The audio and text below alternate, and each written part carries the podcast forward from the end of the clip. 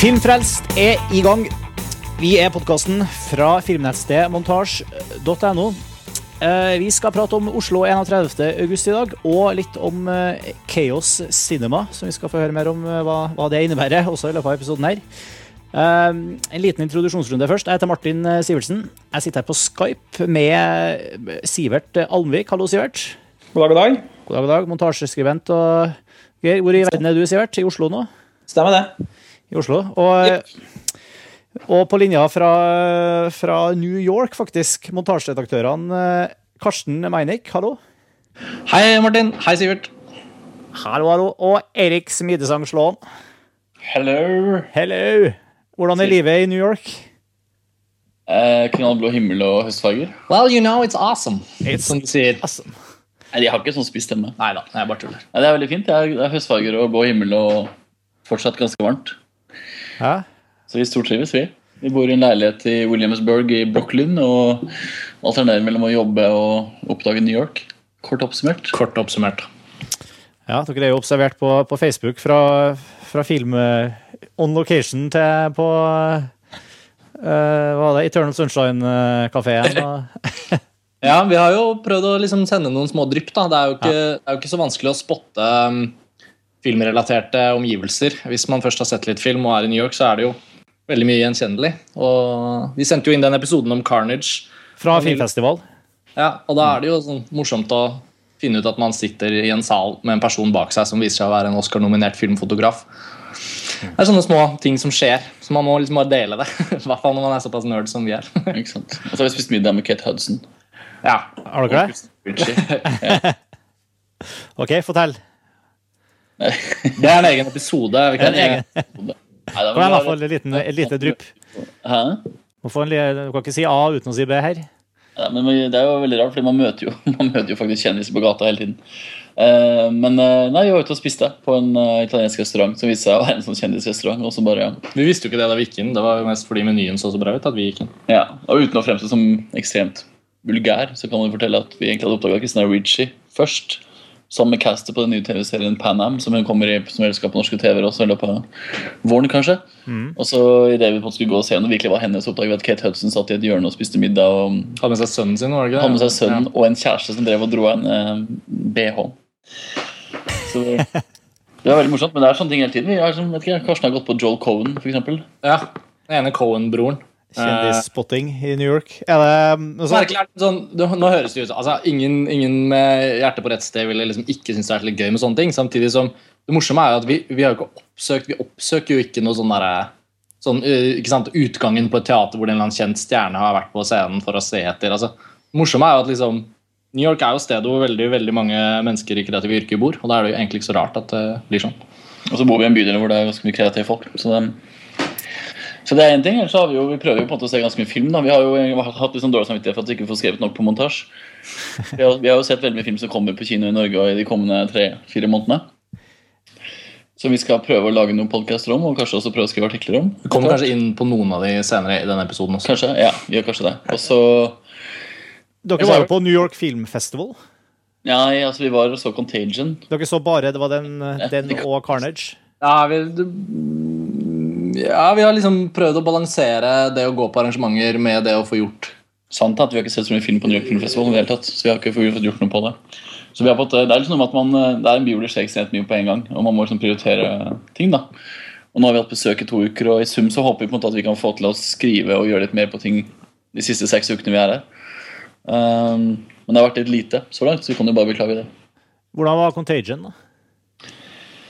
Ja, Vi kan jo ta den kort. vi skal snakke om I, i kort, den korte versjonen. Du fikk jo skrevet Jeg har jo skrevet en om ganske stygg sak om den på montasje, hvor Ja. jeg prøver å oppsummere hvorfor jeg mener at uh, regissøren er uh, en av Eller kanskje verdens verste regissør, Steven Soderberg.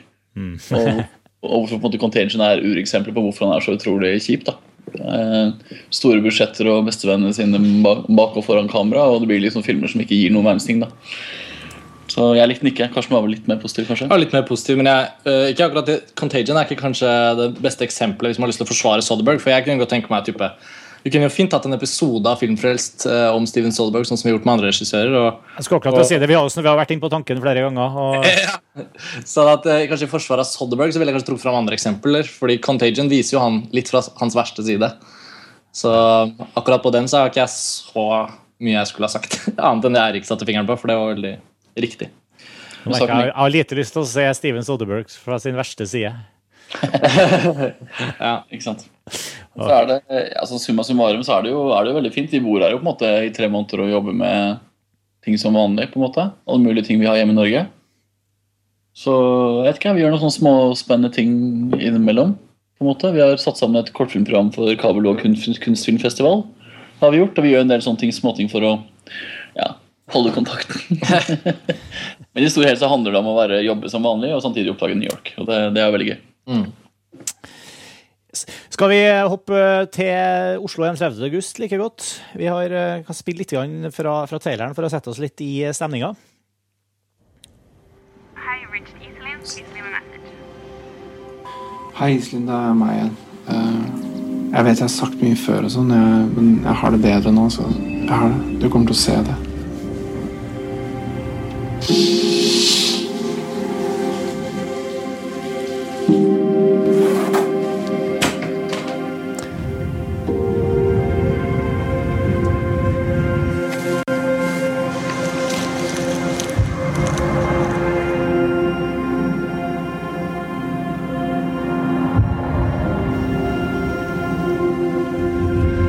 Det var selvfølgelig mye musikk å finne se. Fine, fine bilder her som går litt tapt på lyd, lydsporet, selvfølgelig. Men altså, Oslo den 30. august eh, er jo nå faktisk Den hadde jo premiere igjen 30. august, naturlig nok. Og vi har jo hatt Mange har hatt tid til å se filmen, og vi har hatt tid til å fordøye den. Og det her er jo eh, den andre spillefilmen til Joakim Trier. Eh, Vi var jo veldig begeistra, eller Montage som helhet har uttrykt stor begeistring for reprise, første filmen hans. Eh, Hva kan vi si om Joakim Trier, først og fremst, som sånn eh, filmskaper? Hvor, hvor kommer han fra? Hva slags type, type kar er det, liksom? Ja, utdannet i London. London National Film School. School. Eh, laget eh, noen kortfilmer som fikk mye oppmerksomhet på 90-tallet. Eh, begynner er med reprise, skrevet sammen med Eskil Vogt, som også har skrevet Oslo 31. august sammen med Joakim.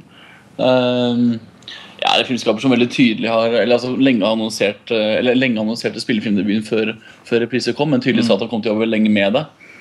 Det gikk jo noen år der hvor eh, på han prok, en Proctor Den kom vel på begynnelsen av 00-tallet, tror jeg. akkurat. kortfilm eh, En veldig spennende kortfilm som er liksom ganske annerledes på det tidspunktet enn det andre norske kortfilmer særlig var. da, Den var laget i, i London også, ehm, som kom til Grimstad. Da tror jeg det var mange som fikk en følelse av at her var det en regissør som hadde noe ganske annet. da, Tok en annen liksom, vinkling på en del ting.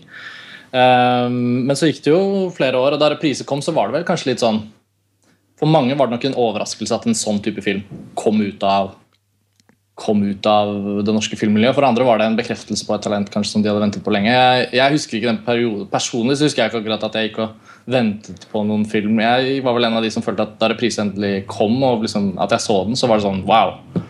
Det var litt en sånn oppdagelse for min del, husker jeg i hvert fall. Nå er det jo noen år siden. Jeg tror ikke forventningene blant publikum var så veldig store til at det skulle komme en film fra Joakim Trier. Jeg tror heller kanskje bransjen på en måte hadde noen ideer om at det skulle komme en film, men jeg tror ikke reprise var noen film som var så utrolig Det var ikke så mye, var ikke så mye hype rundt reprise. Nei. Men nå, derimot nå, da, fra opp fram til nå, når Oslo 31. august ble annonsert i fjor, eh, og skulle lages i løpet av ett år, og Thomas Romsam som konsulent ga penger til prosjektet osv. Og, så og det ble på en måte fast tracka, som man sier på etter ikke-montasjevennlig språk i engelsk. Ja. Eh, så, så, Det, det er lov. Her, her, på, her på Filmfest er alt lov. Men fast, fast tracket sier ganske mye om hva det handlet om. fordi altså, Thomas Robson som konsulent ønsket å støtte både Eskil Vogt og Joakim Trier med et nytt prosjekt veldig fort, så de kunne holde opp eh, tråden fra reprise.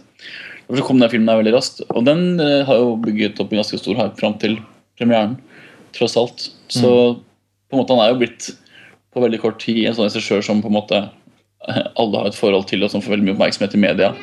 Og som veldig tidlig er blitt på en måte kanalisert som en slags sånn der, eh, liten helt i norsk filmbransje. Det kan vi jo snakke om etterpå. Eh, men summa summarum, det har vært en sånn ganske jevnt crescendo imot denne filmen. Men det er tross alt fem år siden reprise. Det er fem år siden reprise, absolutt. Og den tida har jo da Joakim Trier brukt på å være veldig mye i USA og jobbe med kontakter der. og Og Han jobber også nå med et filmprosjekt som skal spilles inn i USA, som er finansiert av Focus Features. Skjønner. Mm. Ja, det, er- det er i hvert fall på gang. Det På gang, ja. kommer sikkert noen nyheter om det ganske snart. Så han er jo på en veldig etablert regissør i forhold til navn. og i forhold til posisjon. Så kan vi vel snakke mer om filmen hans etterpå, kanskje. Sivert, har du sett den, eller? Nei, jeg har kun sett uh, traileren. Jeg har- har ikke kommet meg på kino for å se den. Nei. Men eh, det som jeg så ut ifra traileren, så merka jeg at det er kanskje ikke helt min type film. Jeg, føler ikke at det er sånn Mitt Midtlivs eh, 30-årskrise er for meg ennå, da. Det er bare mine tanker om traileren. da. Så jeg vet ikke hvordan den var. Det aner jeg ikke. Men du så reprise i sin tid, eller? Ja, så vidt jeg, jeg husker ikke helt hva den handler om. Jeg har en sånn at Hvis jeg ikke husker filmene, så betyr det at de ikke betydde noe særlig mye for, for meg. For det som jeg bare tenker er illustrerende, jeg bare spurte litt for- fordi vi snakker jo For å liksom bare bli ferdig med å snakke litt om selve Joachim Trier og på en måte de to filmene først en sånn forventningsmessig, så er det jo ingen tvil om at 'Reprise' var en film som egentlig ikke ble sett av så mange, Mm. og som kanskje har, har holdt en veldig høy status blant eh, for så vidt et visst publikum, men også filmvitere og kritikere og andre filmskapere i bransjen. og så når Oslo 31. august er her nå, så har jo den filmen hatt helt andre forventninger å leve opp til. Da. Eller den har blitt liksom møtt med en helt annen eh, ja, forventning. Og da, og da er det jo illustrerende også på en måte at den har foreløpig nådd rimelig like besøkstall, litt grann mer kanskje enn reprise, men egentlig havnet nesten litt sånn i samme kategorien. Jeg tror det er de samme type menneskene som har sett. Er det ganske lave besøkstall, man tror? På... Nei, nei, det er ikke det. Nei. Smaker på 60 000 besøkende nå, som ikke er Ja, det dårlig. jeg skulle si at det jeg har inntrykk av at eh, det, det, må- at det er en av de, de gode de filmene som, som blir sett mye for tida. Altså, Jf. tematikken og alt mulig, så er det ikke et eh, dårlig tall i det hele tatt. Det er det ikke. Men, eh, men altså, man hadde kanskje forventa at Joachim Trier hadde erverva seg en viss posisjon hos publikum nå. Og at flere ville gå og se den rett og slett av nysgjerrighet overfor Joachim Trier. Da. Kanskje. Det er jo ikke mange norske filmer som på en måte kan presenteres som en bla, bla, bla-film. på en måte, altså ut ifra regissøren på den måten. Eh, Men Joachim Trier har jo fått såpass mye personlig oppmerksomhet i media. Han har jo hatt så mye personlige intervjuer hvor han snakker om sin egen motivasjon og hva han vil jobbe med, og vært ute og kritisert og vært ganske direkte. da. Så han er en person som publikum kanskje ville gjenkjenne når det da kommer en ny film. Som noen tenker at kanskje Kanskje ville et annet segment også gå og se Oslo 31. august, men som Karsten sier, det virker som at det er det samme publikumssegmentet som står i reprise. I intervjuene og sånt da blir det ofte sammenligna med sånn nybølge, eh, fransk nybølge. Ja, vi Jeg vet ikke, jeg vet ikke hvor, eh, hvor godt det detter inn i det norske publikummet. Nei, altså, det er ikke sikkert det treffer så veldig bra.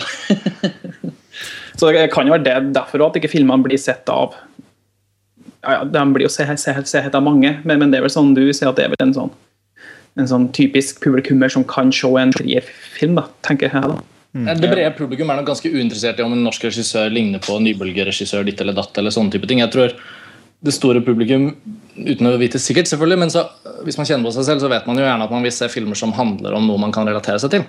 Og En av de tingene som reprise, uansett kvaliteten av den filmen har, eh, ble kritisert for, og for så vidt, som for så vidt stemmer, er at den skildrer en veldig spesifikk gruppe. For mange så kunne det ses som et eh, som noe de kunne relatere seg til. Den har slått an i de andre byer rundt omkring i verden, og alt mulig sånn, men i norsk sammenheng så virker jo de skildringene i både, den, både Reprise og Oslo 31. august ganske, som, ganske spesifikt som Oslo-skildringer, og også på en måte en viss del av Oslo.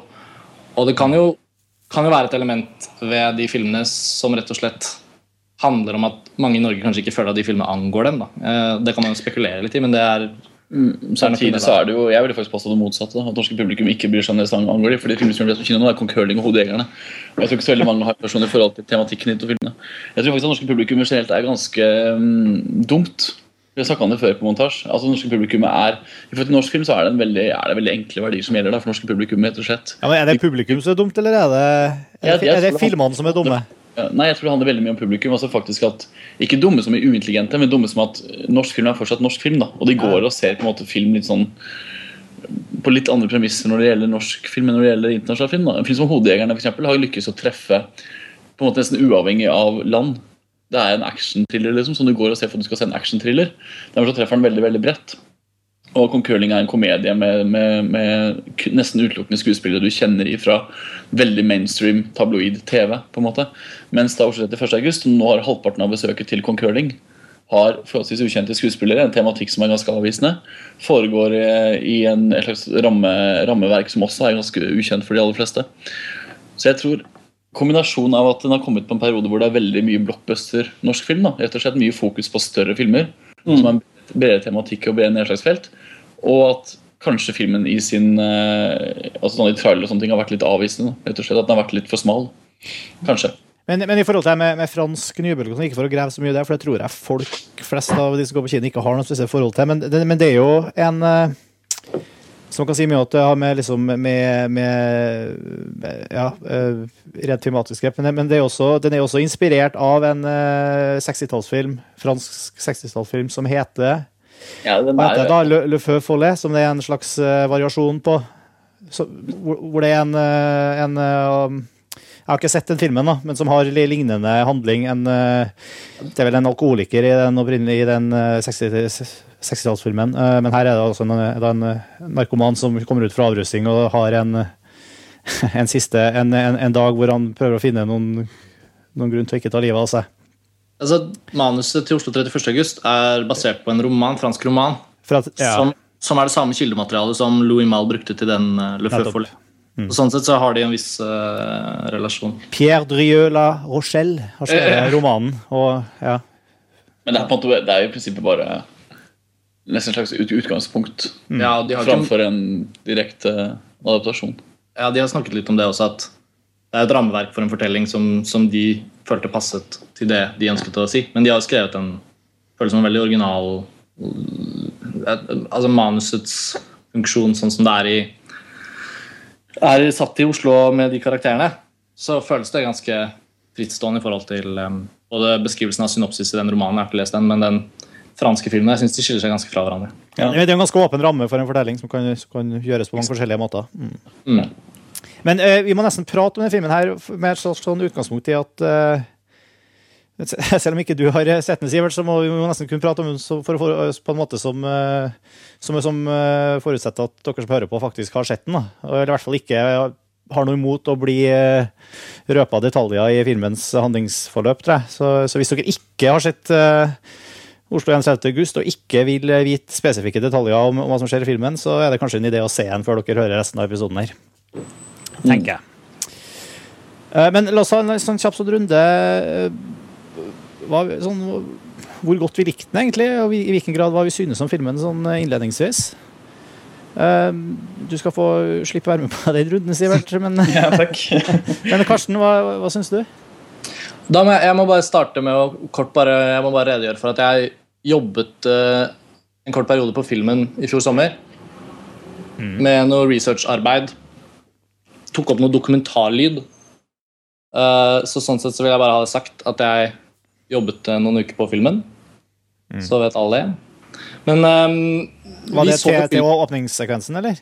Det er en kaféscene Ah, ja. hvor eh, personen sitter og lytter til samtaler som foregår rundt ham. Det er en av de store scenene i filmen. Ja, eh, og jeg hadde akkurat kommet ut av filmskolen og eh, ble hyret til å ta opp ekte samtaler mellom mennesker på den samme kafeen som de brukte til grunnlag før de gikk og tok opp selve scenen. Men når det er sagt, så så jo vi filmen eh, første gang i Cannes. Eirik og jeg og Lars Ole. Så det var, en, det var en visning av filmen som, som var ladet med ekstreme forventninger. Det var verdenspremieren, på en måte. Det var, ja, det var verdenspremieren. uh, og jeg husker veldig godt den følelsen av, av at filmen var over. Og da kjente jeg meg veldig jeg husker jeg følte, kjente meg veldig tom. Både fordi jeg følte at ikke forventningene mine var oppfylt, uten å helt klare å sette fingeren på det, samtidig som filmen har jo en veldig sånn er jo en slags nedadgående spiral. Uh, og Noen måneder senere så fikk jeg sett den igjen på, på en visning i Oslo da den hadde premiere. Eh, som var en ganske annen opplevelse for meg. For da følte jeg liksom at uh, da, da kunne jeg se filmen blankere uten, uten en viss type forventninger. Og da var det lettere for meg å se både styrkene filmen har, og, og svakhetene den har. Men, men det har vært en litt sånn rar reise frem mot uh, den filmen.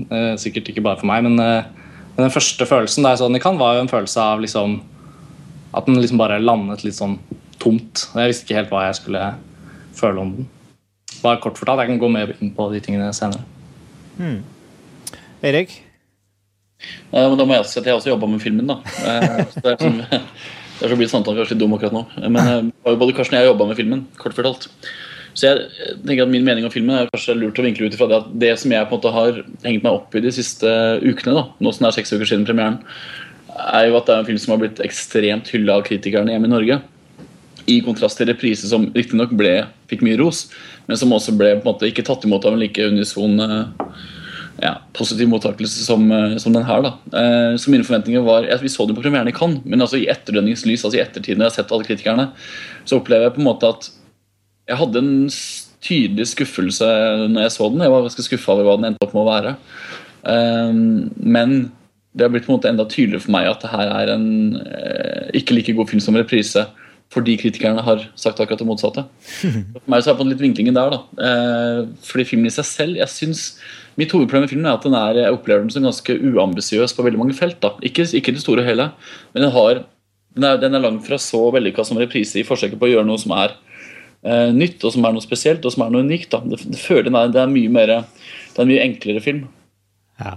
Uh, og det skal sies at den er laget på et år, og alt jeg snakket om i stad med Thomas Robson som konsulent, som ikke bare ville ha laget en film for å holde Joakim Trier på en måte um, på banen. Eh, men jeg syns at det er en, jeg synes den er for enkel, jeg syns den er for naiv, og jeg synes den er spesielt visuelt så er den altfor pregeløs til å komme fra en stab som lagde, um, lagde reprise.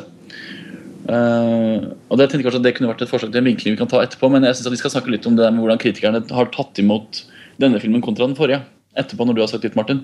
Ja. Som er en inngangsport til å snakke om eh, filmen i seg selv. Altså, jeg kan jo, må jo også da gjøre rede for at jeg overhodet ikke har hatt noe med Oslo 31. august å gjøre. Verken profesjonelt eller ellers. Eh, Men, men jeg, jeg har også da åpenbart en mye, mye mer sympatisk eh, Um, jeg har tatt den mye nærmere inntil meg enn dere har gjort. Da. Jeg, jeg syns det var en, en veldig god film. Altså. Jeg, jeg, jeg skjønner hva du, hva du egentlig mener, med at den er kanskje mindre litt sånn mindre sprelsk da, enn reprise, og kanskje mer klassisk, og kanskje mindre på en måte mindre original, men den er også Jeg vet ikke, jeg syns det var rett og slett veldig, veldig gripende, og den føltes veldig eh, reell og litt eh, Hva skal jeg si eh, Alvorlig, da, på en, på en måte som, som få eh, Ja, i hvert fall få norske filmer, men filmer generelt, klarer å være, da. Mm. Synes jeg. Og, og jeg er også faktisk i stor grad enig med det meste av den uh, veldig positive kritiske omtalen filmen har fått. da. Mm. Inkludert eh, omtalen jeg har fått av uh, Altså, de har skrevet to ganske grundige artikler på montasje om filmen. Den ene i analyse, analysen-serien vår. Søren Birkvad har skrevet en slags Ja, altså analysert filmen, da. Eh, Som vi gjør med alle norske filmer. Og, og eh, Dag Sødholt har skrevet en slags sånn eh, follow-up hvor han går grundig inn og ser på en del sånn både visuelle og filmatiske virkemidler, og så egentlig prøve å grave litt i de små mysteriene som ligger i, i filmens historie. Og uh, jeg syns begge de artiklene har veldig mye godt å si om filmen som jeg er veldig enig i. da. Mm. Og, og det, men jeg, jeg har jo også, jeg har ikke lest alle anmeldelsene rundt i pressen, men det jeg har lest, har, har jeg også, det har jeg sett har vært veldig positivt. Og, eh, men, men sånn kort oppsummert, ja, jeg syns det var en veldig god, eh, gripende og inderlig film. Mm. Uh, uten at eh, Ja. Det, uten å, å, å, å si eh, Jeg, jeg syns det var en bedre film med repriser, for å si det sånn. Som jeg syns var eh, kanskje mer morsom, men jeg syns den var, var veldig god. Ja. Men går det da på liksom hvordan du relaterer deg til de, de karakterene i de forskjellige filmene, og hvor, hvor, hva de måtte gå gjennom? Det er veldig sånn karakter. Ja. For meg så er begge filmene veldig sånn karakter. Ja. Altså, jeg ikke, det jeg syns, det jeg syns eh, jo, eh, sånn, så det som jeg syns både reprise var veldig god på, og som også er kanskje enda bedre her, da, syns jeg, det er, det er så utrolig bra gjort. eh, all dialog føles Er så på en måte så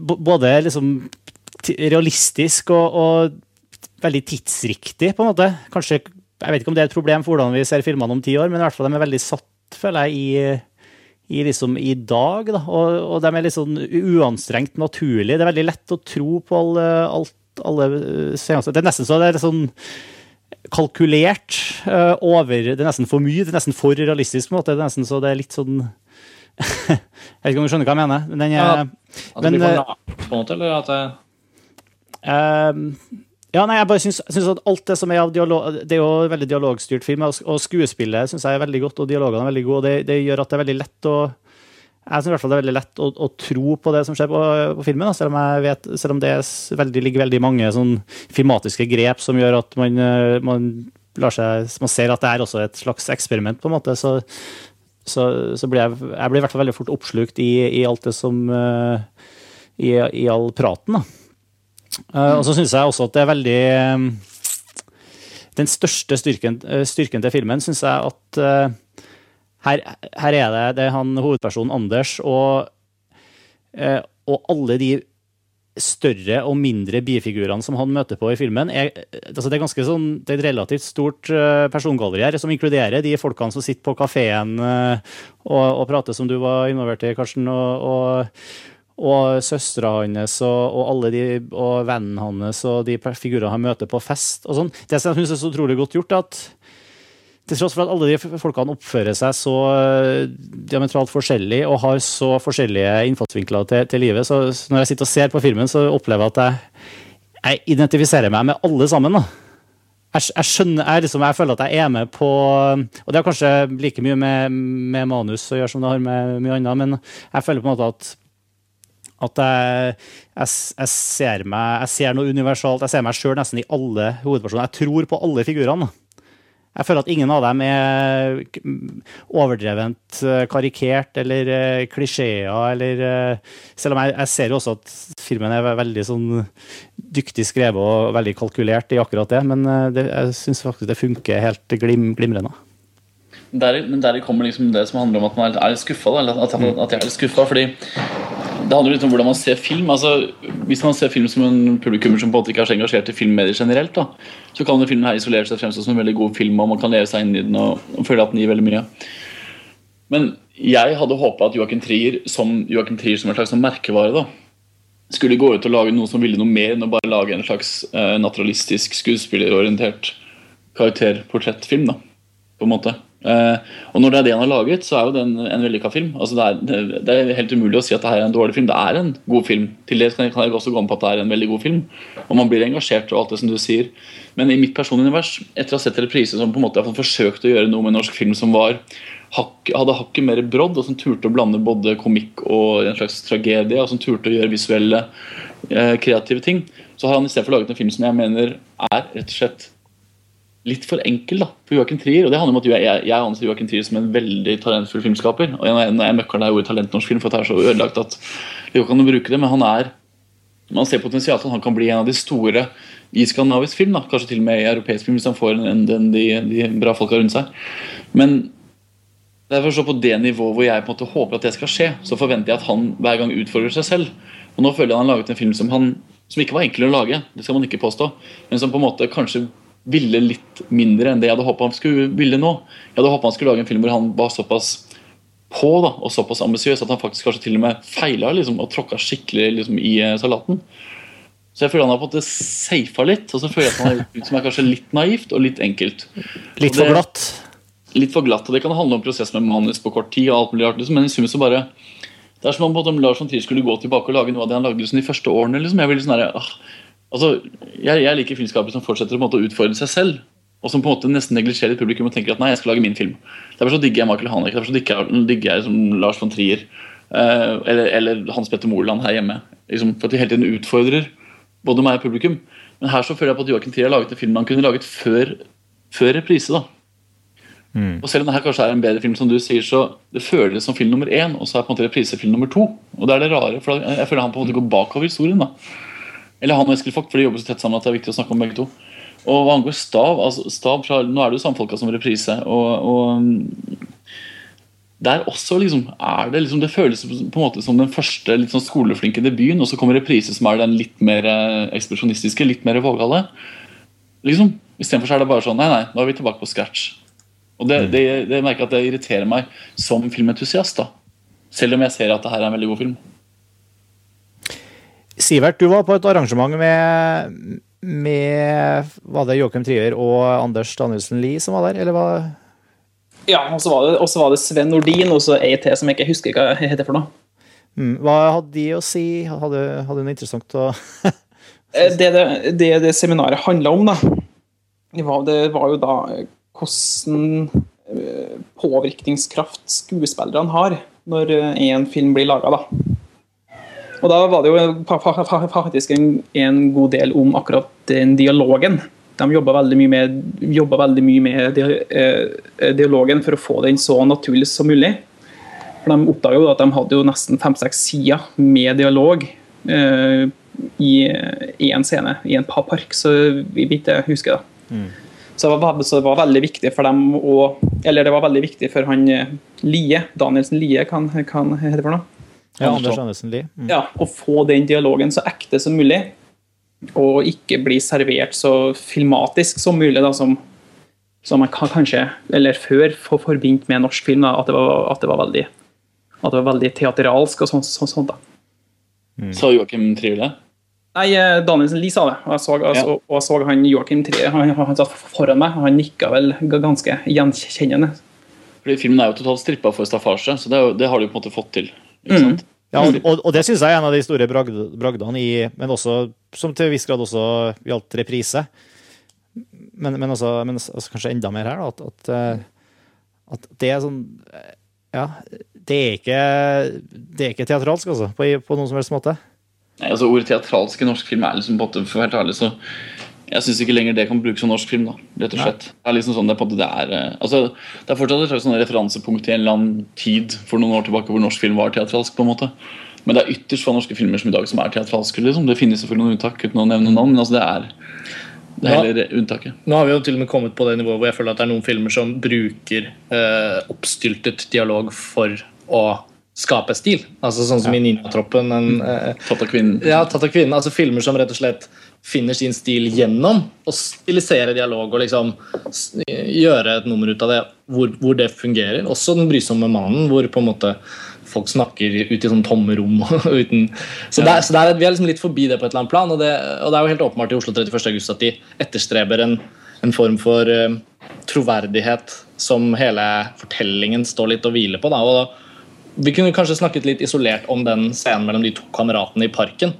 Eh, for- det husker jeg også fra den første visningen at etter filmens første 30-40 minutter så, så satt man jo bare og dirret, eh, i hvert fall jeg, eh, av, av emosjonelt engasjement. Da. Altså Skildringen av de to kameratene som, hvor han ene har vært på institusjon på rehabilitering og har kommet litt uanmeldt på besøk, og han andre har liksom også havnet i en institusjon, vil si ekteskapets institusjon, og på en måte de tar en tur ut i parken og forsøker å finne hverandre igjen, samtidig som, som oppgaven også er å, at han ene trenger hjelp.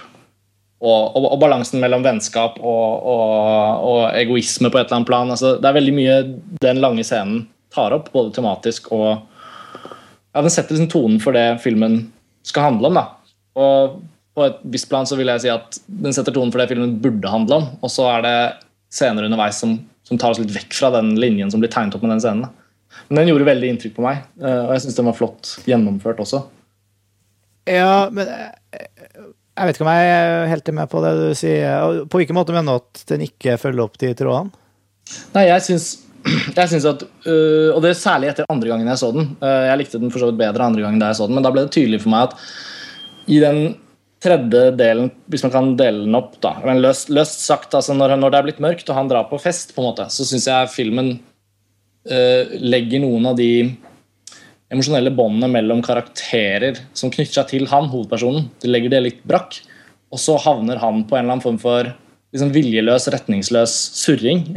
Men, men, men, men er ikke det litt av poenget med hele Samtidig, det kan godt være poenget, men, da, men hvis jeg personlig, og det følte jeg som sagt veldig sterkt andre gangen også Hvis jeg ikke lenger er med på hans tankesett, hans vurderinger av hva han skal gjøre i løpet av det døgnet, så syns jeg ikke de grepene fungerer for at filmen skal holde, holde tak i meg. Og det er, jo, det er en film som legger seg så tett opp imot at publikum skal leve seg inn i karakterens univers og nesten på en måte se for seg hva som kommer til å skje med karakteren underveis i filmen. Så når da de velger å ta det grepet Jeg er helt enig med Karsten, når de da velger å ta det grepet og sende ham på en fest hvor han skal møte altså Hvor hele tatt filmen blir litt, rett og slett litt eh, Jeg synes det blir veldig teit, faktisk. Det er det jeg faller av. da. Den bygger så veldig emosjonelt opp til at du som publikum skal engasjere masse energi i disse karakterene.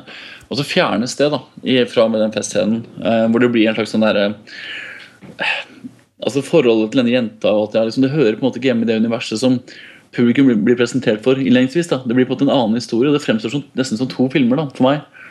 Eh, så Jeg skjønner hva Karsten mener med at han liksom mister litt taket. akkurat der. Altså, og Som publikummer så faller jeg av altså, på det tidspunktet. Jeg, mister, jeg merker at Det følelsesmessige crescendoet jeg har bygd opp, som er veldig veldig sterkt, både i kaféscenen og i kameratsekvensen, det, det blir på en måte borte. Det forsvinner veldig fort. Altså det, siste, bare, altså det siste som skjer før filmen tar den vendingen, er jo en sånn lang montasje hvor han snakker om type, hvilke type valg foreldrene har gjort for ham. Altså, øh, det er liksom sånn Hvilke ting han ble opplært til å føle.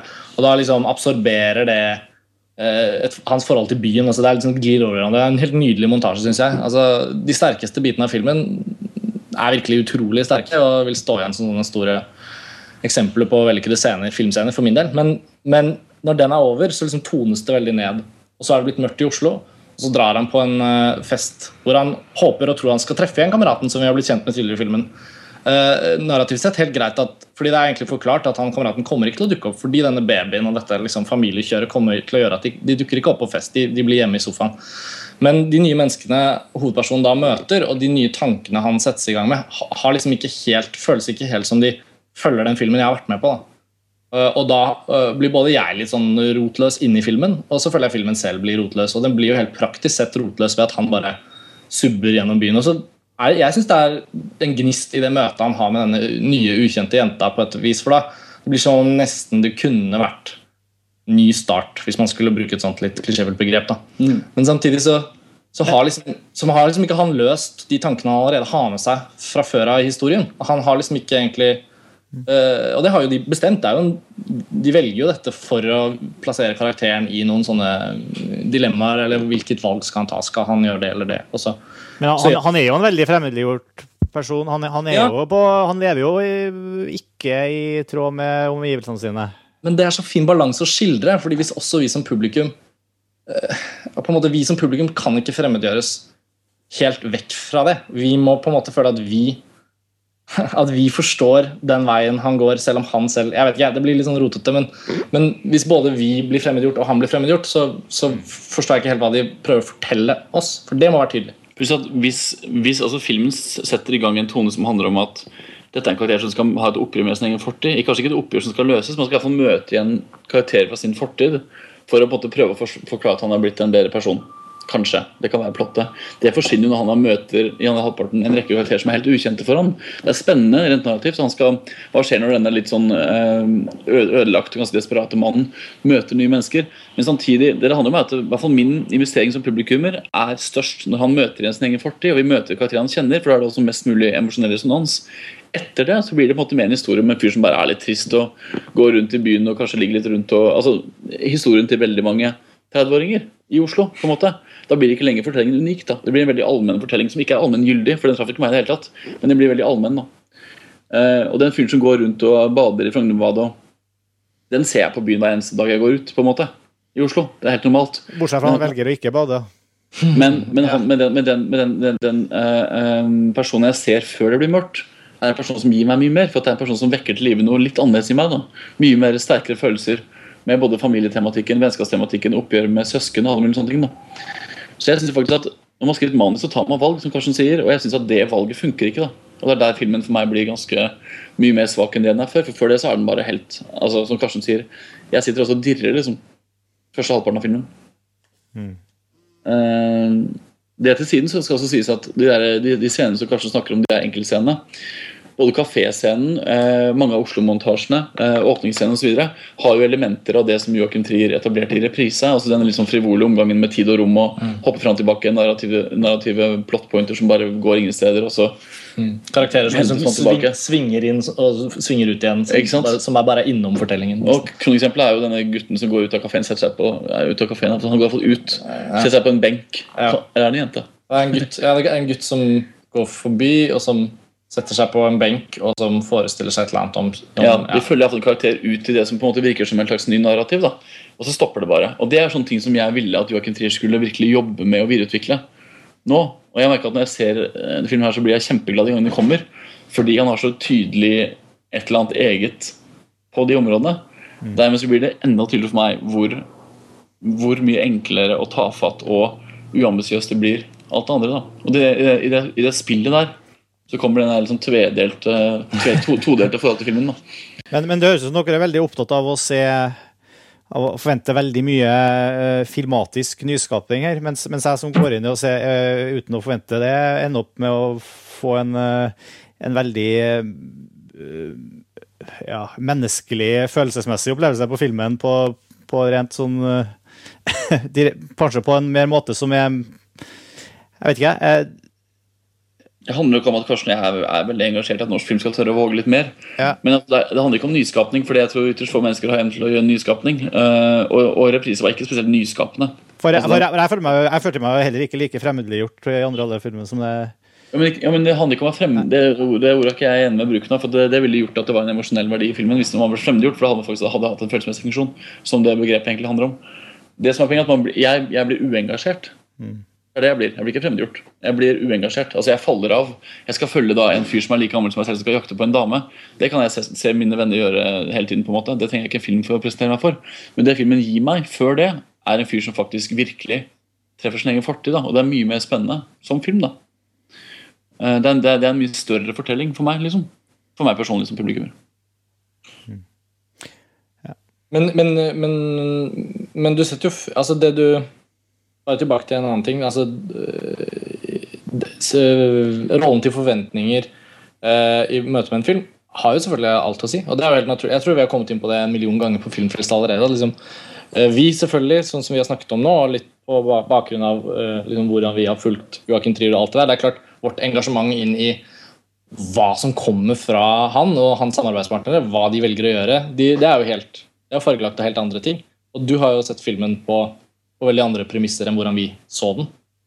Uh, og egentlig det at reaksjonsmønsteret for så vidt blir annerledes, det, det er vel bare naturlig, tenker jeg. Ja, så er det noe med at man altså, jeg, jeg personlig føler jo på en slags merkelig engasjement for Joachim Trier. Altså, jeg, jeg, liksom, jeg, han er på det filmskapet jeg ønsker å på mange måter liksom, forsvare veldig mye av det han står for. Fordi han står for nye ting som jeg vil påstå ingen andre filmskap i Norge tør å stå for. da. Eh, Karsten og jeg skrev veldig mye om, om, om, um, om reprise i sin tid. Nettopp fordi reprise, selv om det ikke var en perfekt film, jeg synes også reprise var en veldig sånn ujevn affære, så hadde den så mye nye ting i norsk sammenheng i seg at det var bare utrolig morsomt å bare få den frem da, og prøve liksom å få flere publikummere på den og bare støtte opp om prosjektet Eskil Vogt Joachim Trier. da. For, at, for at jeg, jeg tenkte utrolig lite på Joachim Trier da jeg så filmen.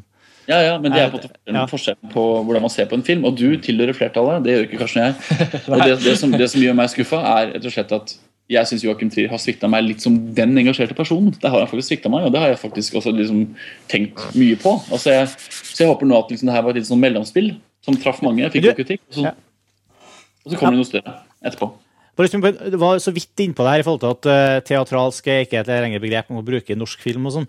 Det, det som kanskje fortsatt er, har vært en sånn tendens, føler jeg, at man, man lager filmer som handler om, om eh, egentlig ganske alvorlige vik, for Viktige et ord vi har snakka om før, men viktige tema, men samtidig skal, skal prøve å være litt morsom og litt lett. da. Ja. Og og det ofte fører til en litt sånn eh, veldig uheldig kombinasjon. da, i, men, eh, men, men, mens her så, så føler jeg at, eh, at det faktisk lykkes til en viss grad. altså. Men det skal jo Trier ha veldig mye ros for. Ja. Da, Mm.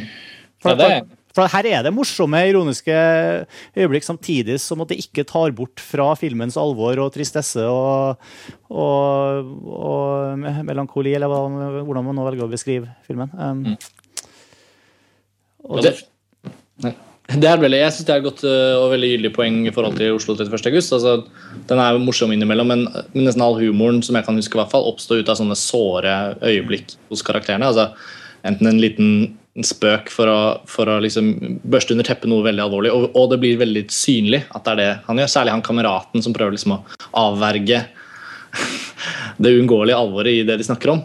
Med en form for humor som jeg tror folk kan kjenne seg igjen i. Altså, det er ikke filmen som prøver å være morsom overfor publikum, det er karakterene som bruker eventuell humor da, overfor hverandre eller ironi for å liksom bare håndtere hva de snakker om. Ja. Um, men, um, men en annen ting som er interessant uh, i forhold til det Eirik var litt inne på nå, er jo det at Altså Jeg kjenner også den veldige, liksom, det veldige engasjementet for det prosjektet som foregår hos f.eks. Joakim Trion. Han er jo ganske alene i forhold til norske filmskapere, men den typen engasjement man legger inn i og det man ønsker å se fra dem, er jo nettopp det vi forventer også at eh, på mange måter norske kritikere i større grad skal forvente av filmskapere i Norge. Eh, nå blir Joakim Trier et eksempel fordi vi snakker om hans film, men, men når, når en film som Oslo 31. august får eh, ikke bare liksom unisont positiv kritikk, og det måtte gjerne disse kritikerne mene forhold til deres liksom, opplevelse av filmen. klart, Hvis du elsker en film, så må du på en måte si det. Men altså, kritikerne skal jo, og bør jo som fellesskap, fylle en rolle hvor de er et element som filmskaperne kan forholde seg til, som har en viss, om ikke korrigerende funksjon, så i hvert fall en evne til å sette fingeren på på noe som kan utfordres, noe som ikke bør safes. Da. At det å være flink ikke nødvendigvis alltid er det man får god karakter for, men at man rett og slett også kan få tilbakemelding på ting som, som skal utfordre, utfordre en litt. Da. Og, der, og der har det jo vært skuffende faktisk at filmen har blitt møtt med så mye bare sånn medhårs positiv kritikk, nettopp fordi at Joakim Trier har vist at han på mange måter fortjener noe annet. Det er mange som har vist at de fortjener mer, men nå, nå er han eksempelet. Og, og, og det er først inntil nylig at jeg har registrert at det faktisk har kommet en, en velfundert kritisk artikkel. Jeg har dessverre ikke fått lest den ennå, men jeg fikk en link til en sak i Minerva, hvor en, eh, en ung skribent en, fra Oslo, hun, jeg husker ikke navnet hennes dessverre, men har liksom gått, gått filmen etter i sømmene fordi hun mener den ikke representerer en virkelighet som hun kan eh, identifisere seg med, men hun tar også opp det faktum at hun ikke kan forstå at filmen har fått en så ensidig mottakelse. Og i det store bildet så er jo ikke det, er jo ikke det godt for de da filmskaperne som man bryr seg så mye om. Så det kommer jo på en måte ut fra en type engasjement som er umulig å ikke ta opp når vi snakker om den filmen. Men altså, når man hører på måten dere beskriver filmen på Hvis man ikke har sett filmen, og hører på dere, så, så høres det nesten ut som om det her er en veldig sånn konvensjonelt fortalt uh, film. liksom. Jeg syns det er en ganske konvensjonelt fortalt. Jeg synes også de kommersielle forfattere, Veldig, veldig enkel. Ja, men altså, jeg tenker bare, bare for altså, Hadde ikke nødvendigvis gjort noe, men I, I artikkelen til Dag Sødol, for eksempel, eh, så te bruker han altså uh, mange, mange ord på, på å ja, det, Kanskje de virkemidlene som han beskriver, er nå så bruk, ofte brukt at de er mer konvensjonelle. Eh, det er kanskje det man, eh, som, er, som ligger litt i det. Men altså eh, Han, han bruker en, en, en hel artikkel på montasje til å skrive, først og fremst snakke om om filmatiske virkemidler som er, som jeg fortsatt oppfattet som ukonvensjonelle. Altså med, med realismebruk og omvendt oppstykker og fortellerteknikk og, og oppløst tid og, og kryptiske scener og, og ting som uh, lyd ut av synk med handlingsforløp og, og en del sånne ting som ikke ja, Jeg vet ikke, det er kanskje forskjellige meninger om hva som er- ligger i ordet konvensjonelt, men uh, Jo, men altså Sett, sett i eh, europeisk filmsammenheng i dag, da, hvis man skal ta Joachim Trier på alvor ja. Han er en person som ser veldig mye film, har lest mye filmhistorie og som- kan ganske mye film. Så er jo ingenting av det han gjør, spesielt originalt. Det betyr ikke at det er dårlig. Det er veldig viktig at det her ikke handler om verdier, om det er bra eller dårlig. Nei. Men det handler bare om at han velger å ta noen grep som kanskje for eh, andre publikum som er vant på å se Hodejegerne, fremstår som spennende og friske, men det er det jo virkelig ikke for de som ser mer film enn Hodejegerne på kino. Eh, Det som vi snakker om er at eh, Karsten snakker om kritikerne sin rolle som nettopp ikke allmennpublikummets røst. da. Kritikerne skal være de som på en måte står litt over og som tør å felle dom, også på flere nivåer. på en måte. Og spesielt sånn som vi hadde med Hjem, hjem til jule, Bent Hammer sin, eh, når Karsten skrev en lang sak på det på montasje. Kritikerne i Norge de, for det meste, de ligger gjerne på nivå med publikum og skal på en måte snakke publikums stemme. da. Det mener Karsten og jeg ikke er riktig. da. De skal stå litt over og tørre å faktisk spørsmålstegn ved om ting faktisk er så originalt eller så spesielt eller så unikt osv. Og, så og dermed si om det er bra eller dårlig. Den veien. Ikke gå inn og bare si at alt er bra, terningkast seks. Punktum. For det er det ingen som får noen ting ut av. Minst av alle regissøren selv. Men de grepene som Joachim Trier gjør i Oslo etter 1. august altså, ja, han, han gjør veldig mange kreative grep. og Det er derfor han fortsatt er spennende. Det er altså derfor det er en spennende film. Men hvis man ser på samtidige filmskapere som sitter og jobber i Sverige og Danmark, for eksempel, da, så er det lite ved det som er ekstremt spennende sånn i det overordna. På en måte, rett og slett, altså. Og det, det er ikke noe negativt, det er bare at det er sånn at det er veldig farlig å heve Joachim Tier opp og gjøre han til noe mer enn det han egentlig er. Nå, kanskje om fem år, kanskje om ti år, men det er for tidlig å si om han er den personen. på en måte. Og det her er ikke en film som demonstrerer han som noe helt, helt, helt, helt spesielt. Nei, Mener, jeg- mener jeg, da. det, det mener jeg òg. Jo, men når da kritikerne går ut og skriver det de skriver om eh, Joachim Trier, da, og faktisk, altså når det slenges så mange seksere Jeg har ikke sett så mange sexy siden Erik Poppe De usynlige. Uh, ja, og de, de usynlige han i Oslo. Så fikk ganske sånn lik type sånn ekstrem ros, da, men hvor ingen snakka om symbolikken i filmen. Ingen snakka om Poppe sine regigrep. altså Det er det, det. blir kanskje litt naivt, da. Det blir litt enkelt, og det blir litt sånn der norsk andedam. Hvor vi har så få norske filmer som virkelig sær, med virkelig særpreg at de bare I fall så kommer de får ekstremt oppmerksomhet. da. Men det, det også artikkelen til Dag er, og det er jo det som er interessant med det, er at en film som Oslo 31. august, uh, og så kan man være uenig om hva den lykkes med, hva den ikke lykkes med, men den har jo tatt enkelte grep i fortellingen som det er interessant å se nærmere på. Det gjelder mange filmer, det, men nå har Dag valgt seg å i den artikkelen å se nærmere på de grepene i Oslo 31. august. Og det er jo interessant, da kan man komme dypere inn i det. Jeg, tror ikke, øh, jeg, tror ikke, jeg kan ikke huske at premisset i den artikkelen er at det, det er på en måte det grep som finnes opp som er helt, helt unike. Men det er nei. ting man kan se nærmere på. Og det er jo det man burde gjøre. Det er jo det Men han sier mer på hvordan han føler at filmen gis ekstra uh, verdi da, med, med de grepene. Men først og fremst, jeg synes det var en veldig god artikkel, for det fikk meg til å se nye sider av filmen som jeg ikke hadde tenkt på. Ja, ja, og det, Men det er også det som jeg sa om at det, altså, Oslo 31. august er jo en interessant film. Fordi den gjør de grepene her. Den er veldig altså, som igjen, den er veldig enkelt fortalt, mener jeg. Men samtidig så har den de grepene som gjør at den føles litt heva opp. da. Eh, det er også viktig å si at Vi har jo starta montasje nettopp fordi vi ønsker å gjøre sånne ting som det Dag gjør i den artikkelen der, og som Søren gjør i analysen, og som vi gjør i veldig mange filmer med veldig mange filmer generelt på montasje. Hvis vi prøver å vinkle artiklene våre på litt andre premisser, og kanskje spisse det litt mer enn det som er vanlig i norsk filmkritikk. da. Ikke sånn generelt, men altså det er noe med at vi man, man, man må ta filmskaperne på alvor i Norge også, og det, det gjør man på en måte egentlig ikke. da. Det har vi sagt, snakket om siden vi starta montasje for snart to og et halvt år siden. to og et halvt år siden.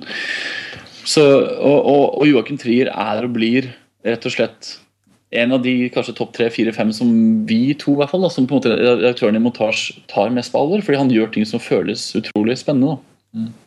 Og han dermed, i den konteksten, så skuffet han litt med Oslo 31. august. Og så får man håpe at han ved neste korsvei har et manus som er mye mer utfordrende på mange måter.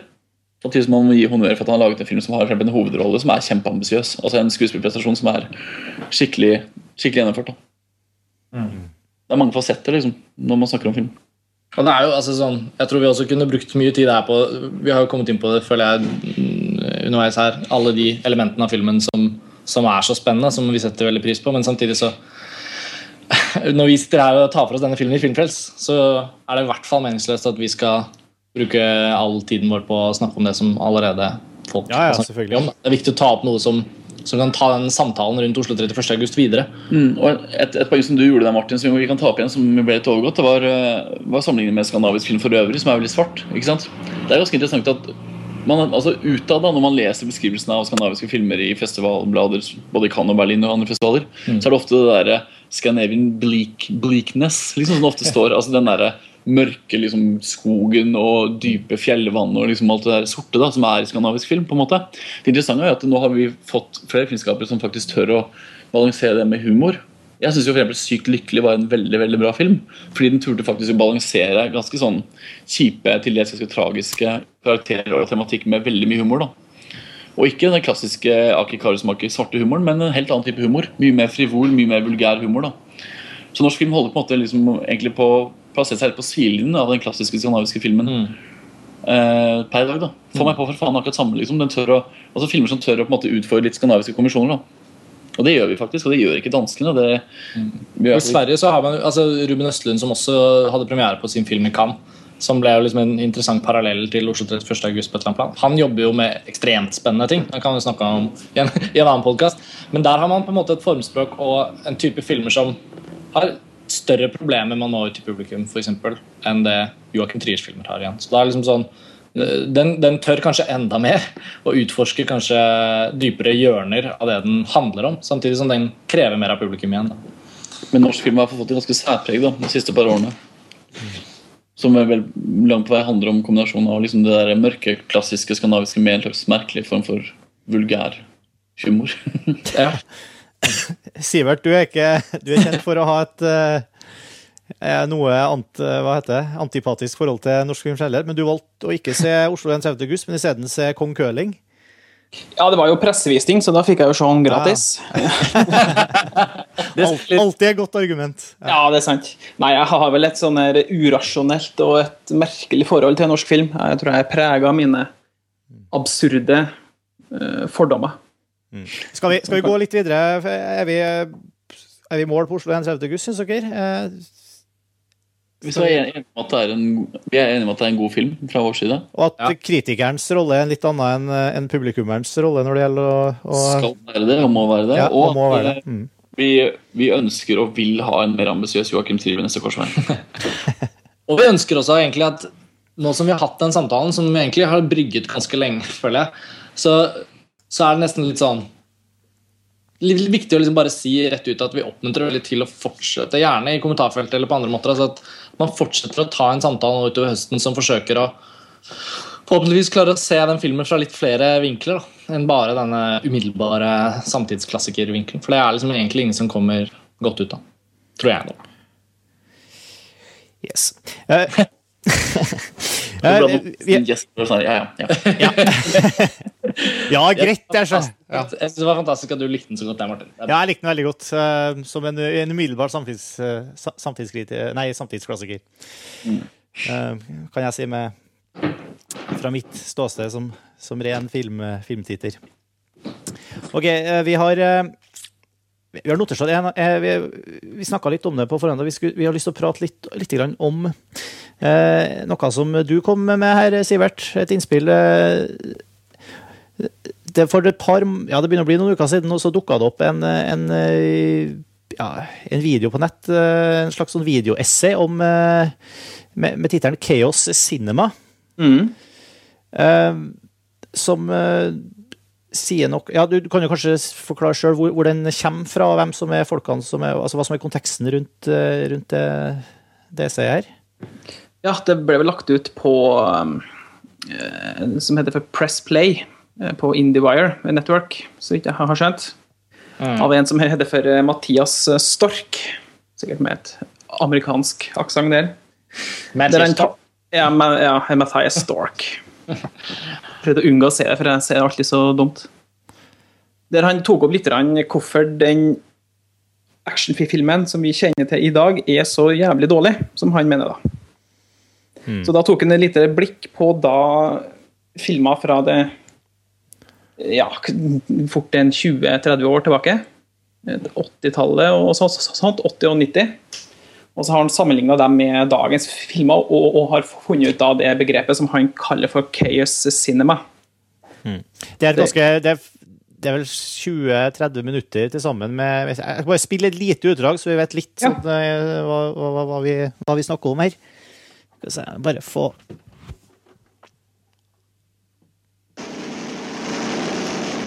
In the first decade of the 21st century, film style has changed profoundly.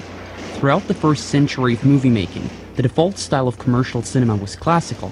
It was meticulous and patient.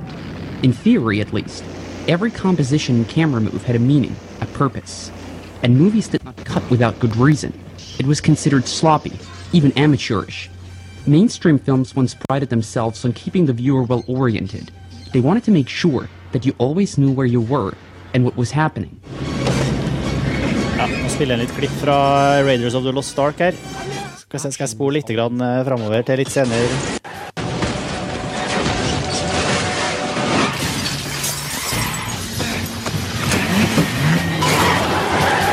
Nå er det klipp fra Born Supremacy og Transformers 3. Det lydbildet der er vel illustrerende for hva han prøver å fortelle i det videoessayet, vil jeg si.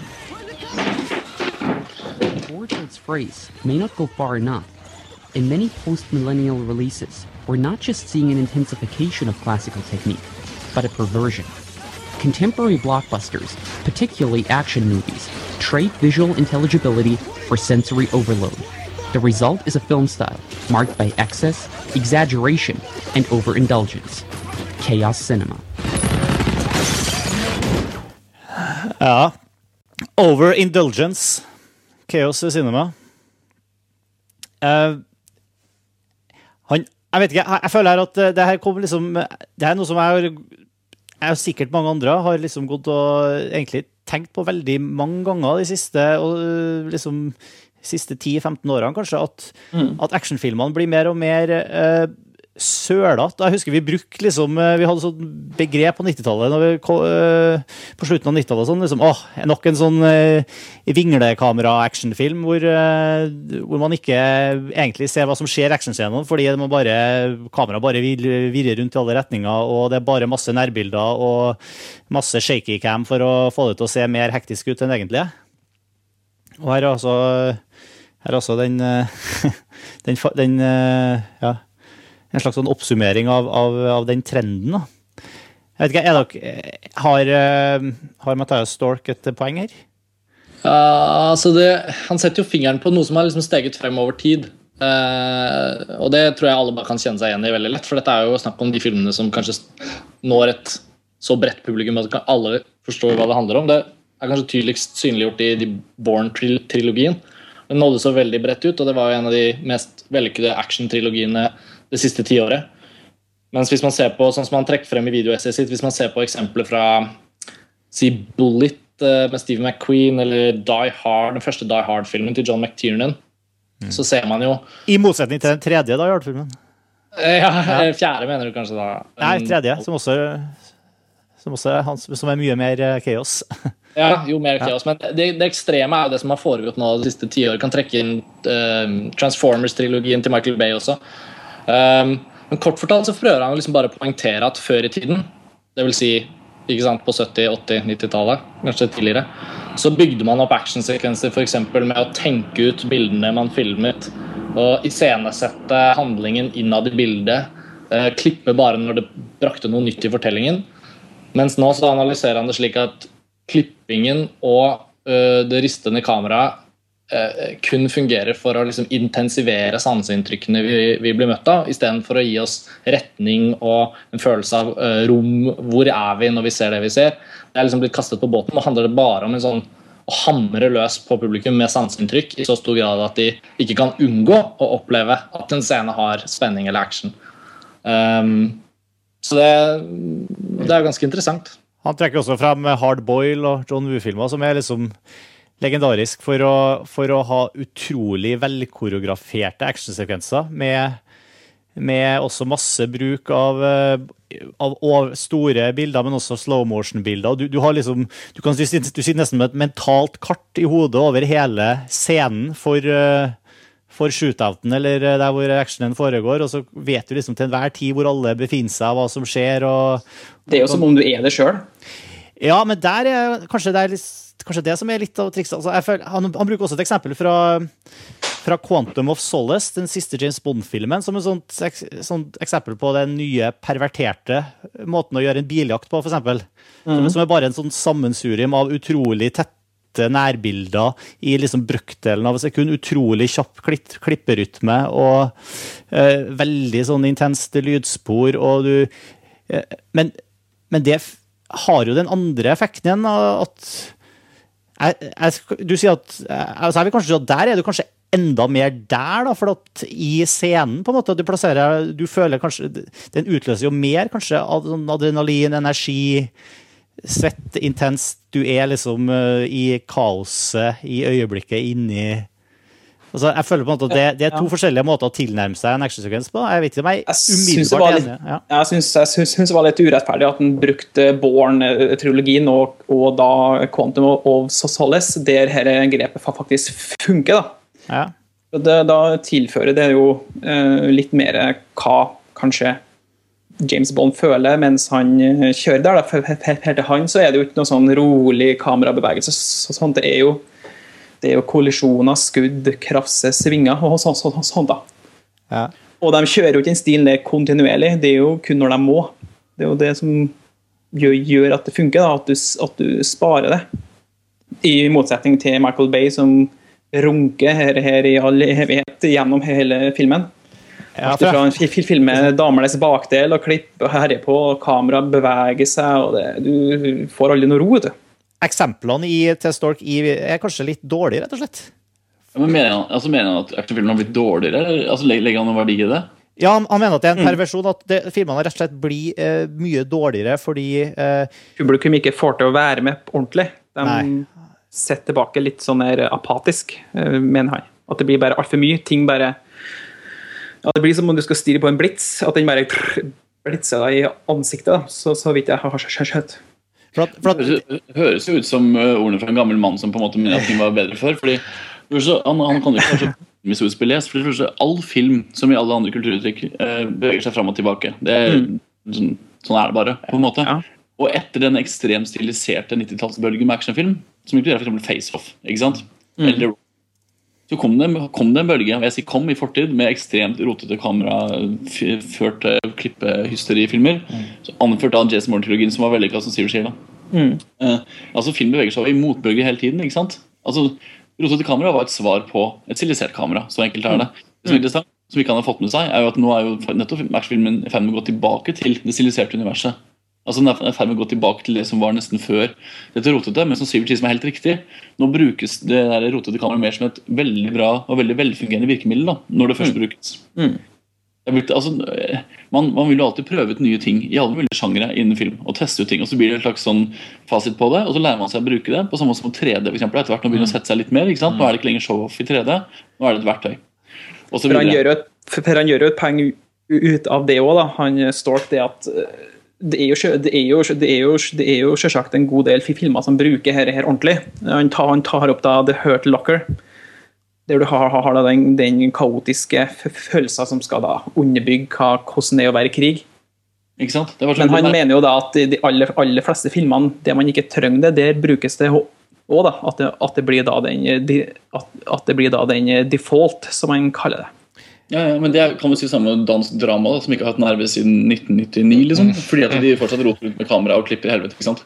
Altså, det her er jo ikke noe som spesielt for actionfilmer, men all film beveger seg i bølger. altså Når man blir lei av en trend, enten man, blir lei av å få um, epilepsianfall i eksempel, da, blir lei av det, så begynner publikum å vende seg mot det. Og så kommer det en motbølge som kommer nå, med disse mer stiliserte actionfilmer som ser ut til å starte med Mission Impossible 3 neste, nei 4, eller hva det blir for noe. Jeg vil ikke bli fire. 3, 4, 5, så kommer det neste gang.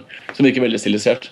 men, Det er men, jo sånn, det er jo sånn filmhistorien på en måte utvikler seg. da. men, men altså der jeg syns det slår uhe veldig uheldig ut, da, er de tilfellene hvor, hvor, hvor, man liksom blir irritert over den eh, måten for at man, hvor det nesten er, det, Man har inntrykk av at det er nesten et sånn symptom på latskap, da, hvor man ikke eh, gjør seg arbeidet med å, med å skape gode Altså lage god historiefortelling i selve actionsekvensene. Altså Hvor man ikke bruker tid på koreografi, regi og planlegging og, og stunttrening og alt mulig sånt i forarbeid, og, og, og, gjør forarbeidet, men i stedet bare hive en masse penger og har en masse sånn Ja, vi skal gjøre masse kult i denne scenen her. Vi eh, filmer det fra mest mulige vinkler, og vi skal liksom Vi skal sprenge den eh, bilen her, og vi skal velte den bilen her, og vi skal skyte her, og så filmer vi mest mulig, og så satser vi på at vi klarer å klippe det sammen til en kul sekvens i klipperommet etterpå. Ja, Eh, og og, og vi, vi, vi, de folkene her kan ikke slåss, så vi vifter masse med kamera og legger på masse lydeffekter, så ser det ut som de slåss. Liksom, når, det, når man først gjør det slopp Når det, når det får, får det inntrykket, når man får det inntrykket, da slår det veldig uheldig ut. Uh, Samtidig så er det jo ikke noe enklere å rote rundt med kamera enn å ha kameraet plassert stille på en, på en filmproduksjon. Det er nesten verre, hvis man tenker på kontinuitet og alle mulige ja, men man kan jo riste rundt i postproduksjonen, da. Det kan man jo gjøre etterpå. Jo, Men det men det altså- koster penger, ja. Men det er ikke noe, det er, er, er ikke noe billigere eller enklere å Nei, men det er latskap. Hvis man har mye penger, så trenger man jo ikke å altså, det, det er derfor at man trekker fram sånn som, sånn som John Woo, hvor, hvor he, mye av geniet der ligger jo oss i i, eh, i actionscenene. Så man, man går til filmene mye for actionscenene sin del, fordi man vil se koreografien. ikke sant? Og da, Mm. da har du en annen funksjon enn i Hurtlocker, hvor man ikke er så interessert i koreografien, men hvor man er interessert i stemninga og den derre vær der i, i øyeblikket-feelingen. Da kan man jo si tilbake at for eksempel, hvis man da husker post-Matrix, da, for eksempel. Altså, jeg, jeg, jeg som ikke likte Matrix Jeg var jo allergisk fra Matrix av. Men til og med i Matrix jeg ble jo møkkalei av å se Bullet Time i alle actionfilmer. liksom. Det toppa seg jo med Shrek liksom, når Shrek begynte å bruke bullet time. ikke sant? Og det var fordi man hadde, noen hadde liksom laget en patent, og så kunne man kjøpe bullet time. Så kunne man gjøre actionfilmer fete eller kule ved å tilføre bullet time. Det samme skjer nå. Altså, samme, altså, det handler bare om dårlig regihåndverk. rett og slett. Ja. Det handler ikke om rotete kamera eller stilisert kamera. Det handler om at Catherine Bigelow gjør det genialt. John Woo gjør det genialt. Men Alaskens B-filmskapere greier ikke å få det til. Altså, og det, det er liksom der han bommer, da, føler jeg, sånn som dere på en måte forteller om hvordan det funker nå. fordi han, han, han glemmer at det synes det handler om to ting. Det handler om regissøren. Liksom, og Noen får det til, og noen får det ikke til. De som ikke får det til, de kopierer blindt og prøver å få til noe som ikke de har, eh, har måte kunnskapen til å kunne få til. på samme måte. Del to, som jeg mener er et mye større problem, det er at actionfilmen i, i de siste par årene har hatt et mye mindre fokus på manus enn det var før. Det er jo manuset som det handler om. Altså, Ja, men jeg, jeg er helt enig. Det, det, det er ikke virkemidlene som er synderen her, liksom. Og manusets posisjon, altså Hvis man ser på hvordan manuset i actionfilm har utvikla seg siden Steven Spielberg lagde Indiana Jones, så er det en ganske tydelig decrescendo i arbeidet med manus. altså Hvor, hvor, hvor, hvor bra manusene er i actionfilmer. liksom. Det er heller det, da, vil jeg påstå, som har skjedd. Og Det handler om at Hollywood har virkelig begynt å tjene store penger på actionfilmer, så de bare pøser på og slipper de ut, fordi effekten har tillatt de mest avsindige plotting. da. Altså ikke historie, men plott, liksom.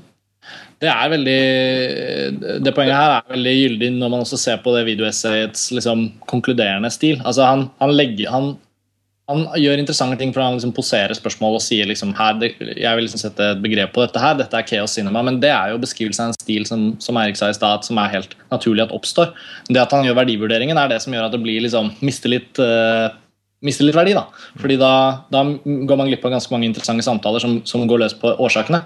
akkurat som du sa nå, og hvis man blant annet ser på en del Det, er det eksisterer jo ganske mye actionfilm som jeg ikke har orket å se de siste årene, selv om jeg var actionfrelst på 90-tallet. Og det er en, en type sjanger som jeg føler Jason Statham er eh, liksom første, første eksponenten for. Det er alle disse liksom Blitz, eh, Transporter, uh, Crank Revolver. Revolver altså Det er masse sånne filmer. Eh, Hvis de er helt fantastiske og jeg ikke vet bedre fordi jeg ikke har sett dem, greit. Men jeg ser at det er sånn det er, ja, det er konseptuelle actionfilmer. Det er ikke actionfilmer som er basert på story. De er basert på hva om en person dør hvis adrenalinet altså, sånn, det er sånn, Alle vet at Altså Det er noen premisser og noen plott. ikke ikke sant? sant? Og Speed var for så vidt en konseptfilm fra 90-tallet, men den klarte å introdusere karakterer og historie underveis som gjorde at det ble en engasjerende film. Men Den hadde også et sånt konsept som lå til bunn. Så nå virker det som at det eksisterer så mye actionfilmer som bare er konsepter. Uh, som igjen vanner ut stil. da. Men da, da, da ligger jo på en måte hovedproblemet i Chaos Cinema at det ikke ligger noen, noen manus da, i bunn. For eksempel det som gjorde at Jason Bourne-filmene funka da, var manuset, for det første. Men også fordi Ja, ja. rotete kamera var så ekstremt planlagt. Altså Klippingen på Jason Bourne-filmene var så ekstremt planlagt. da. Og Der, og, og der er det ikke latskap, ikke sant? Der Nei, er Det er jo, det er jo med hensikt. Oscar for beste klipp var det. Ja. ja, Jeg vil, jeg, jeg, jeg vil jo påstå at de to tingene henger sammen. da. Hvis du har en viss stil, så vil også manuset lide. Eller ikke manuset vil ikke lide. Manuset kan jo være helt utrolig, men det er jo hvordan publikum forstår manuset når de ikke klarer å se de folkene som det handler om. da. Du har ikke nok tid til å studere ansikt, du har ikke nok tid til å studere situasjoner. Da vil jo, man, fortellinga fremstå som litt rotete og dårlig. Ja, ja, da, da handler det jo til sist om regissøren som står bak kamera og på en måte prøver å, å styre hele kaoset. da, et, eller- annet, mm. eh, altså, se- på, se på manuset til Hurtlocker. Nå, jeg, nå, har jeg, nå har jeg, lest det manuset. Det manuset er jo faktisk ganske enkelt. på en måte, Det er ikke et spesielt avansert manus. Men det er jo nettopp denne stilen som jeg snakket om denne stemningen da, som, og, og, og skuespillet som gjør at det funker. Jeg tror Hurt ville vært en veldig overfladisk, ganske kjedelig film hvis den var skutt av John Woo. da, rett og slett. For eksempel, da. Det ville blitt en veldig sånn, ja, helt grei actionfilm. på en måte. Men fordi da Catherine Bigelow har valgt å gjøre den så både dokumentarisk, kaotisk, stemningsstyrt osv., så, videre, så blir det en mye sterkere opplevelse.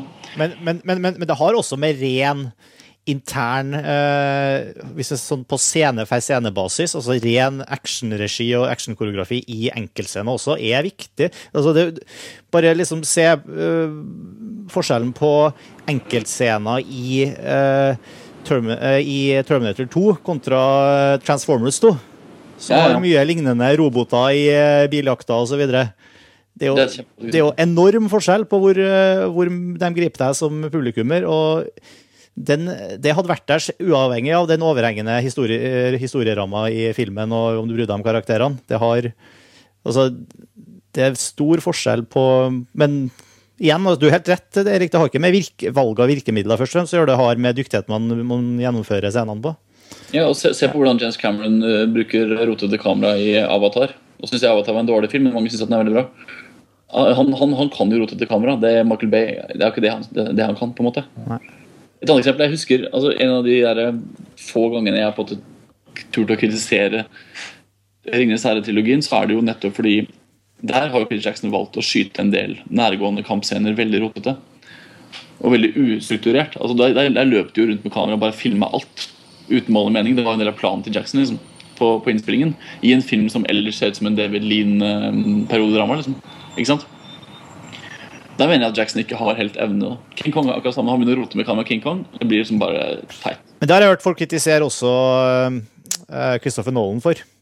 Ja, ja. At det er hans svake side er actionscenene, liksom. Som er bærer Og det jeg kan være enig i, de bærer litt preg av det her. Ja, han, eh, her er det Har man ikke like stødig grep på, det- på actionscenene som med det meste andre i filmen, så her, eh, her Da blir man kanskje mer oppmerksom på det de litt ja, mindre stødige grepene. Som kan være sånn Chaos Cinema-grep. Jo, men Samme er det med Tim Burton. fordi jeg husker sånn Batman Begins Nei, Batman Returns hadde premiere, så var det Han fikk veldig mye tyn for dårlige actionscener. rett og slett. Uh, mens i Sleepy Hollow, som har helt annerledes actionscener, så fikk han veldig mye ros. For da, var de, da fungerte de, på en måte. Det var også en av de få tingene han fikk ros for i Plant of the Apes. Så jeg mener, altså, Rotete kamera det handler ikke om liksom, rotete kamera, estillisert kamera, det handler om regissøren som står bak og plasserer det kameraet der det skal høre hjemme. da. Som med veldig mye annet i film. på en måte. Og det å lage en slags sånn, sånn videoessay som vi skal sikkert poste på montasje, som på en måte prøver å skape en, liksom, en sak ut av det, det er sånn Keisers nye klær-artikkel. På en måte. Det er liksom ikke det, er ikke det som er problemet da, med actionfilmen anno 2011. Jeg opplever at uh, hvis man først bare skal kort Vi poster sikkert det videoessayet, det er interessant å høre hvordan det funker på folk. Men den sjangeren, videoessay-sjangeren, som er blitt ganske utforsket nå de siste par årene, uh, fungerer ofte bedre når det er enkelteksempler som analyseres grundig. Uh, og nå nevnte vi Dark Knight. altså En annen fyr som heter Jim Emerson, som, som skriver for uh, Chicago Sun Times, tror jeg. hvis ikke jeg tar helt feil. Han har gjort et essay hvor han analyserer én actionscene i Dark Knight. Og den er jo et, etter mitt syn et bedre eksempel på, på problem liksom, i årsak hvordan en regissør har tenkt, enn akkurat hvordan en Chaos Cinema fungerer. Fordi den ja, har ganske utdannede eksempler, og, og den tar stilling på en litt sånn teit måte. Så det kan man, jo, man kan jo grave litt dypt hvis man blir nysgjerrig. Og ikke glem at de actionfilmene som har styrt box office-listene de siste fem årene, er eh, Marvel-adaptasjoner og DC Comics, som har vært ekstremt lite rotete kamera. Det har vært veldig stiliserte og ganske sånn statiske ting. på en måte Og Harry Potter og Ringenes herre og en del sånne store sånne fantasy-filmer som har hatt en del rotete kamera, men i hovedsak så har det ikke det vært regigrepet. på en måte Så actionfilm anno 2011 er mye mer mangfoldig enn man får inntrykk av, sånn som dere snakker om det, Chaos og Cinema. Det virker som han har fått hengt seg opp i de B-filmene som veldig få, ytterst, veldig få går og ser. Nettopp fordi man vet at å ja, det er bare en slags blekkopi av det jeg så den og den personen gjøre to år før. Det er liksom, ja. Rett og slett. Det er se på, se på trailere som kommer for nye actionfilmer nå neste sommer. Så liksom at man går slett litt tilbake til det der face-off. eh, heter det, Broken Arrow, de der stiliserte actionfilmene. kommer en par filmer da som virker som at de virkelig går inn og nettopp gjør det der koreografien i actionscenen. Og Hvis man ser på andre, andre enn amerikanske regissører, så ser man jo altså sånn bare, bare for å ta Park Chan-wook som eksempel, som ikke er per definisjon actionregissør, men actionscenene hans i Oldboy eksempel, eller, eller um, Face-off og Broken Arrow er vel eh, Ja, det er John Woo, er det ikke det? Ja. Jo, men, altså, men John Woo har jo også liksom falt litt for eget grep. da. Det er det som er interessant å se også hvordan, hvordan uh, filmskapere faller inn og ut av det de har fått til å fungere. altså. Hvis man var helt for ti år siden, så har man kanskje glemt helt hva, hva man drev med den gangen. Jeg er jo til og med en fan av Reed Nei, hva heter han? Renny Harley. Men det kan vi ta en annen gang. Yes. Eh, vi skal ta en liten prat i dag også om, om ting vi har sett eh, i det siste, før vi runder av. Men jeg tenkte bare skulle en liten tur innom, Vi må si noen ord om Gjette filmen-konkurransen vår. Så vi har hatt eh, gående litt på, på Filmfrest. Eh, vi hadde jo kjørt en ganske lang tradisjon på det. Av diverse årsaker nå så er det jo faktisk to måneder siden vi hadde siste sånn konkurransesnutt. Og eh, vi har faktisk ikke klart å følge opp denne konkurransen ordentlig. fordi vi har både i forhold til premier, en ting, men også i forhold til den sånn praktiske måten vi gjennomfører eh, filmfrelst produksjon på. nå. Uh, hvor uh, Noen ganger har vi sånne studioepisoder som det her. Jeg kaller det studio når eh, det er selvfølgelig Skype-baserte episoder her. hvor eh, hvor, hvor eh, jeg er hjemme og, og vi kan liksom sitte her og, og bygge inn konkurransen i sendinga osv. Mens andre, det har vært veldig mye sånne intervjuepisoder og spontane opptak av eh, filmomtaler rett etter at man har vært på kino, og sånne ting, hvor, er, hvor vi ikke har klart å få gjøre konkurransen til en naturlig del av Filmfrelsepisodene. Så jeg, jeg, Inntil vi finner en god måte å løse det her på, så tenker jeg vi skal legge konkurransen litt grann, uh, på is. og Grunnen til at jeg tar det opp likevel, er at vi er jo nødt til å faktisk uh, uh, se Det er jo flere som har etterspurt det. Hva var svaret på konkurransen vi hadde i episode 72, som begynner å bli ganske mange episoder siden? og, og hvem var det som vant? Så bare som en liten sånn closure på det, så skal vi spille det klippet vi spilte for, i august for to måneder siden. Og oppgaven var også å gjette hvilken film det klippet var fra. Så spiller jeg det nå. I want my son. You can't have him. Don't get defensive. Don't don't try to bully me. I'm not getting Or get- defensive. Who walked out of the house 15 months ago? I don't care. Joe. I am still his mother. Yes, from 3,000 miles away, and just because you sent a few postcards, it gives you the right to come back him. here? I never stopped wanting him. What and makes you so sure he wants you? What makes you so sure he doesn't want me? Okay, look, we're gonna to sit here and... Yep. Jeg husker da vi spilte klippet, Erik, så sa du at du hadde en ganske god, uh, god uh, følelse av at du visste uh, hvilken film det var. Jeg visste hvilken det var. ja. Jeg satte til og med punktum bak det. Nå har, nå har Karsten sett filmen film for første gang her i New York. Ja. Så da kan jo Karsten heller fortelle om sin opplevelse av den uten å spoile tittelen. Ja. Det klippet er hentet fra en film som um, Ja, nå, kan, nå kan vi jo si det, forresten, for nå, vi jo, nå er det jo vinneren. Ja, Vi kan Ja. si at eh, Eivind Nordengen kommenterte i eh, kommentarfeltet vårt da vi hadde episoden vår om års, årstallet filmåret 1979. ja. At det, at det hadde vært en god anledning til å røpe eh, hva, hvem vinneren på konkurransen her var, hva- hvilken eh, film klippet var henta fra. Stemmer. Filmen er jo fra 1979. Ikke sant? Eh, Det er en film som jeg har hatt på min liste i hvert fall ekstremt lenge. over sånn filmer det er helt opplagt at jeg skal se, men når får jeg sett dem? Jeg må få sett dem snart-lista. Altså den. Jeg tror det er mange som har en sånn liste. Uh, Så det er litt sånn halvtilfeldig, men også veldig godt timet. I og med at den foregår i New York, så fikk vi sett den her um, for uh, ja, det er en måned siden. Det er Kramer versus Kramer, eller Kramer mot Kramer, eller Kramer versus Kramer. Og det er Dustin Hoffman og Meryl Streep som vi hører snakke. Regissert av Robert Benton. Mm. Ja. Veldig bra film. Utrolig bra film, faktisk. Jeg så den også første gang eh, i forkant av 1979-episoden vår, faktisk. Og den var god. Den endte ikke opp på Det var noen som hadde den på topp fem-lista si. Den ble i hvert fall nevnt, husker jeg, i episoden også. Så det. Men uh, vi har, det var ganske mange som har hatt uh, Vi har hatt god tid på oss til, å- til å få inn uh, svar her nå, men det var, mange, var veldig mange som tippa riktig. og Tusenvis av riktige svar. tusenvis av riktige svar. Og den heldige vinneren som vil få en overraskelse i posten fra montasje, Lars Lødding. Du er foreløpig siste premiemottaker i konkurransen vår, så inntil vi finner en bedre måte å gjøre det på. Så, så det.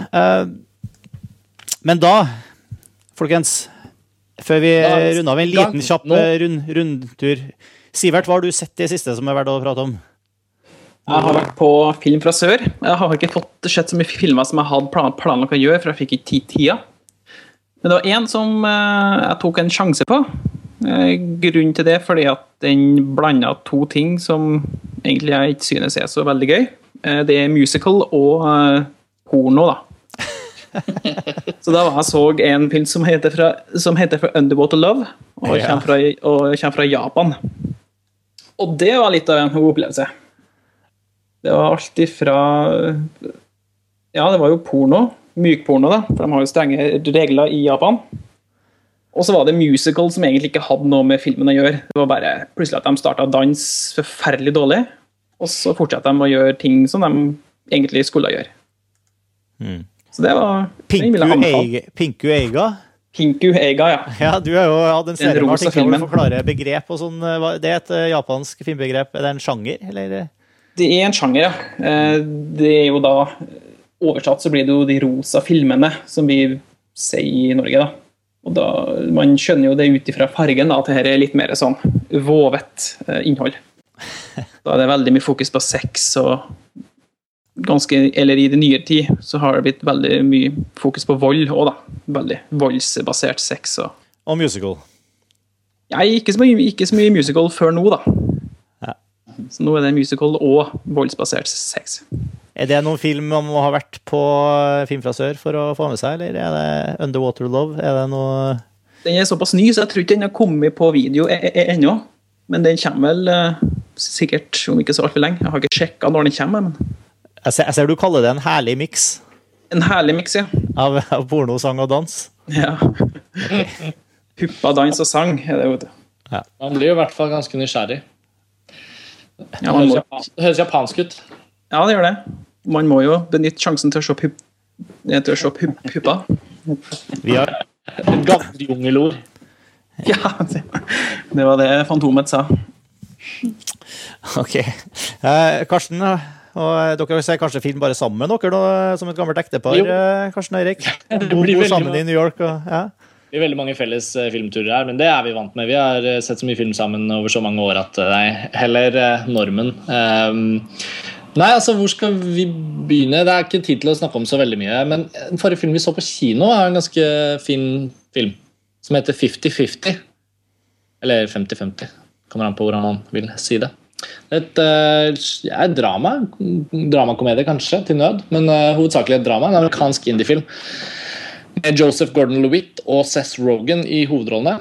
Det handler om en mann som er 27 år gammel og bor sammen med kjæresten sin, eller delvis bor sammen med kjæresten sin og jobber som radioprodusent i Seattle, og som plutselig en dag får beskjed av legen sin om at den smerten han har følt i ryggen, er en eh, ondartet svulst i ryggmargen. Så han får beskjed om at han har kreft, og at sjansen for å overleve er 50-50. Men det er en feel good-drama. Det ikke, det det er ikke drama. Nei. Det er feel good. Det, det, det er jo drama, men det er liksom ja. Men i hvert fall, det er uh, Joseph, Joseph Gordon-Levitt, og så er det Seth Logan, og så er det Angelica Houston og Brian Mm. Howard Kendrick. og Anna Kendrick fra Up in the Air. Så det er fem ganske solide skuespillere som har hovedrollene. Eller som har, ja. Eh, og det er en veldig god film. Den eh, kommer til å bli lansert på kino i Norge, og den kommer også til å gjøre det helt greit på kino i Norge. Jeg tenker tror jeg. absolutt. Den har gjort det veldig bra her i forhold til budsjett og forventninger. Det er Jude Apatow som har produsert, og dette er jo mannen som eh, altså, står bak nokta på Superbad og flere sånne feel good, feel bad eh, relasjonskomikk. Ja. Som er bygget rundt en slags sånn alvorlig tematisk kjerne. Altså, ja, de siste årene. Han har laget mange veldig bra produsert veldig mange bra filmer. Og det her er etter min mening en av hans beste. Kanskje den beste siden Knocked Up. ja, veldig, veldig fin film. Og den var liksom Den var ikke perfekt på noen måte, det er ikke det, men den, den har den derre veldig sånn meddrivende Rollegalleriet er tidvis kjempebra, liksom, og karakterene funker. Eh, Og, og så blir det jo rett og slett Hva het den Adam Sandler? Hadde ikke han film med Adam Sandler så hvor han også drev og døde? Ja, funny, funny People. Ja. Som vi også akkurat så, faktisk. Litt pga. 50-50, egentlig. Ja. Han er jo, altså Kombinasjonen av at han greier å lage på en måte, eller han produserer filmer som handler om ganske tragiske ting, men som greier på en måte å få en slags sånn merkelig feel good overlevelse, taktikk-tematikk. Da Som er veldig bra, med veldig gode skuespillere som ikke nødvendigvis er superstjerner, men som er sånne mellomsjiktstjerner, sånn som både Seth Rogen og Joseph, Joseph Gordon-Levitt er. Han, han er veldig interessant sånn sett.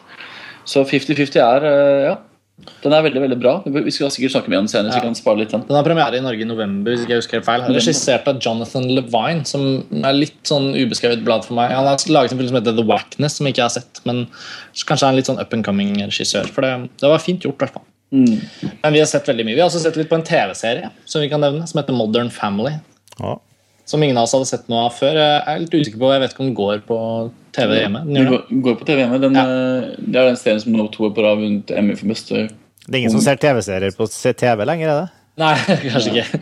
Men Dette er på en måte den nye store amerikanske ja, alle, alle, alle, alle kan se-komiserie, på en Ja. måte, som handler om en far som har en sønn og en datter. Og så handler det om de respektive familien til sønnen og datteren, hvor sønnen er homofil og dattera er heterofil. Og så har de hver sin familie. Så det er sånn familieforvikling eh, tilbøyelig til å være farse, men samtidig veldig sånn relasjonsbasert. Til dels ganske realistisk. Skutt i dokumentarstil. Ja.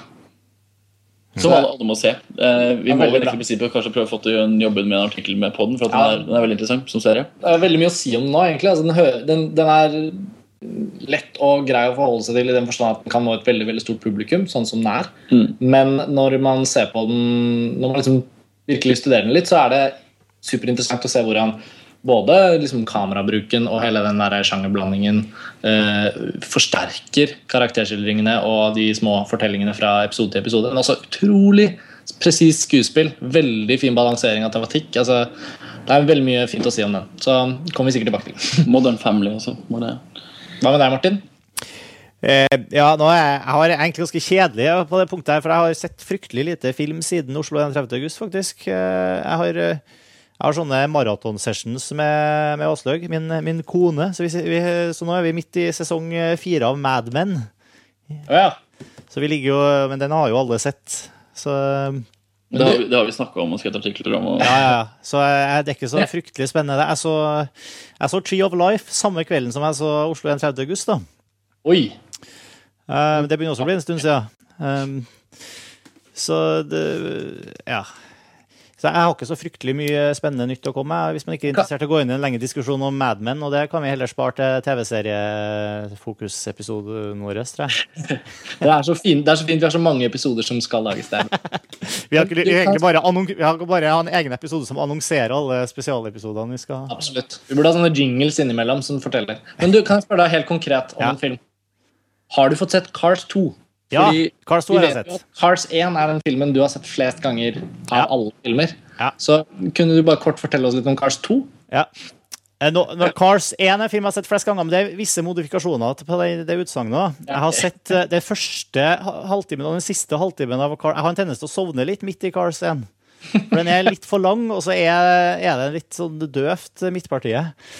Så, men jeg har jo barn selvfølgelig som, som liker film. Og jeg var på kino og så Cars 2. Ja. Og, og det, er, det var egentlig akkurat som forventa, altså. Uh, mer uh, skulle si mer action, mer uh, nye potensielle leketøy og ting å sette på produkter. Og selvfølgelig, det er en Pixar-film, så det er ikke Den er absolutt severdig, ja. Men, men det, det, er liksom en Ja, det er ikke Den heller ikke samme kaliber. Det er liksom Det er det dårligste jeg har sett fra Pixar, da. Ja. Kan jeg vel For det har si. vært litt uh, beskyldningen. Ja, og, og det, det, er- det, men det var egentlig som forventa, og det var vel i motsetning til, til Altså det, det føltes veldig som en cash-in, da. Mm. Og, og det, det er vel kanskje Jeg vet ikke hvor stor de, Pixar ser sikkert ikke på det som det sjøl, men eh, Men eh, det, var, det er litt det inntrykket man får når man sitter og ser den filmen. da.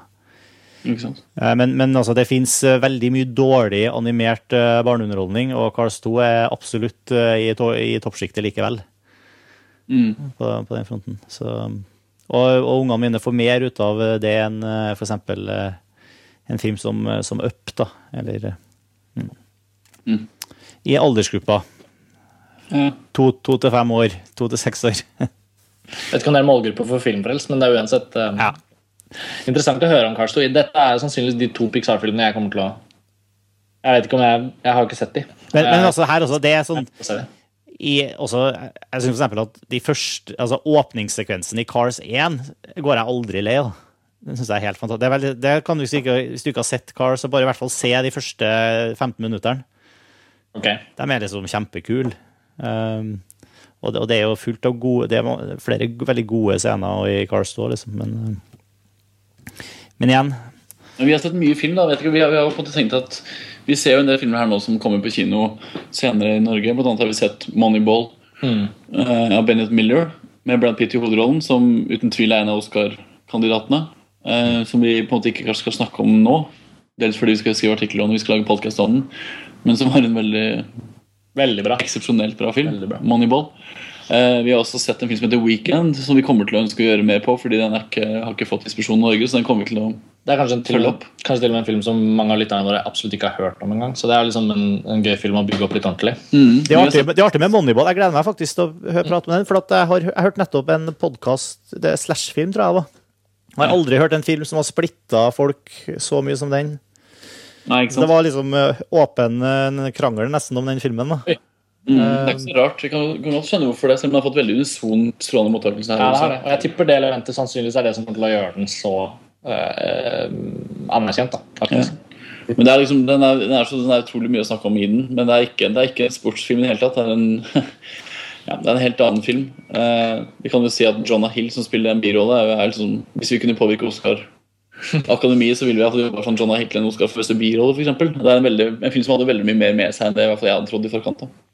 Og det er vel en av de første der hvor Ar- etter Social Network hvor eh, Aaron Sorkin er involvert, Mm. Han har vel gjort tror jeg. ikke kanskje brorparten av manuset, men han har vært om bord og gjort noe jobb på den. tror jeg. Er Derfor han er kreditert. Ja. Ellers har vi sett, eh, vi har sett en ganske dårlig film som har fått mye oppmerksomhet, som er George Clooney sin siste regi, regi slash skuespiller slash hovedrolle slash manus slash komponist og makeupartist. Og det er da den Ja, makeupartist, da. George Clooneys eh, vennefest. Ides, Ides of March. Okay. eh, som jeg har sett som eh, vi hadde en ganske fin samtale om etterpå, som burde blitt podcast, men det ble dessverre ikke. Som jeg syns var en fryktelig dårlig film. Eh, som er en klassisk Oscar-film som tar for seg sånn politisk drama bak kulissene i eh, senatorvalget. Og masse store birolleskuespillere med Ryan Gosling som den store hovedrollen. Og, ja. Veldig sånn ensembledrama som både Oscar-akademiet og USA generelt elsker, da, og som kritikerne her har virkelig tatt til seg og Ja, det. rost. Så vi var litt, stor, vi var litt sånn spørsmålstegn. Da. Ja, altså den er eh, Det kommer vi ikke til å gjøre noen podcast på, tror jeg, annet enn kanskje en artikkel, men den er liksom, det føles som en bra episode av West Wing. Rett og slett. Og Det var, da- det, var, det var forresten den siste jeg og Åslaug gjorde før vi ga oss løs på sesong fire av Mad Men. Det var å se sju sesonger av West Wing. ja, da, da skjønner du hva jeg snakker om. Jeg tror jeg har blitt kjeda av Ides for March. Ja, fordi Ides of March føles altså, Den er egentlig blitt på siste beviset på hvor, hvor viktig TV-serien har blitt. Da, eller hvor bra TV-serien har blitt siste årene. Fordi Når man ser den, så er den verken visuelt eller spesielt mye mer interessant enn en klassisk bra TV-serie som går på TV i dag. på en måte Eh, Så det er liksom, Vi kan kanskje snakke litt om den senere. Jeg merker at det er litt, litt gøy å snakke om den. Ja, fordi, ja, for, Men den er og blir Altså Jeg ble veldig skuffa, og Karsten var kanskje litt mindre skuffa. Men også ganske skuffa. ja jeg, ble- jeg tror ikke det var så stor forskjell. Nei, Men de finner garantert på å nominere både Clooney for både makeup og regi. Så ja, det har vi sett. Ellers har vi, vi har sett liksom ganske mye. Men vi, vi, forhåpentlig så kan vi jo spre det litt utover. da. Jeg tror Det, det er jo vanskelig å vite hvordan man skal forholde seg journalistisk om man får si det, til, til, til å se filmer så lenge før alle andre. Fordi, fordi det er jo begrensa hvor interessant å høre så veldig mye om dem før man har noen som helst sjanse til å se dem. Ja, På Filmpress så vet vi jo det at det er mange som, som kanskje sparer episoder til senere når de har mulighet til å se filmen. Jeg tror Ides of March har premiere i februar. eller noe sånt, sånn at, eh, Men samtidig, det, det, det, det som er interessant med å se filmer her litt sånn før, eh, før de kommer til Norge, er jo at vi ser dem jo i takt med at mottakelsen kommer. Sånn at ofte, særlig den Oscarsesongen i Norge, blir jo gjerne fire-fem måneder forsinket. Eh, og for folk som følger med og som er litt interessert, så kan det nesten Altså, for, type Omtalen av en film kan vanne ut selve opplevelsen av filmen. på mange måter Så det er innmari, innmari gøy å gå rett på premierehelg og bare se en film. Altså, sånn som Da vi så Contagion, selv om det var en skuffelse, så var det jo første dag, liksom fredag, med stappfull sal på oppe ved Lincoln Center og popkorn og cola. og liksom Altså, En ganske annen opplevelse, da. sånn sett. Så det er gøy. Det er en bonus. Det er veldig dyrt med popkorn og cola i USA. New York er vel, eh, ligger vel også noen hakk høyere enn en eh, ganske mange andre byer. Det er sånn solidarisk fast kinopris. da 13 dollar for kinobilletten. Ikke offentlig. Ja, ja, det er sant. Ja, det er sant. For et par uker siden. Så vi har sett mye. Vi håper å få gjort noe mer med det på montasje også. Mm. Vi gleder oss veldig til å høre flere New York-baserte rapporter. Mm. Det er bra. Yes. Ja, men da tror jeg vi skal si takk for laget i kveld, folkens. Det ble en ganske lang episode. Det ble en lang og fin episode. Vi er Beklager. Vi er tilbake om eh, Filmfest er tilbake om eh, kun få uker. Og takk for oppmerksomheten. Vi høres. Ha det.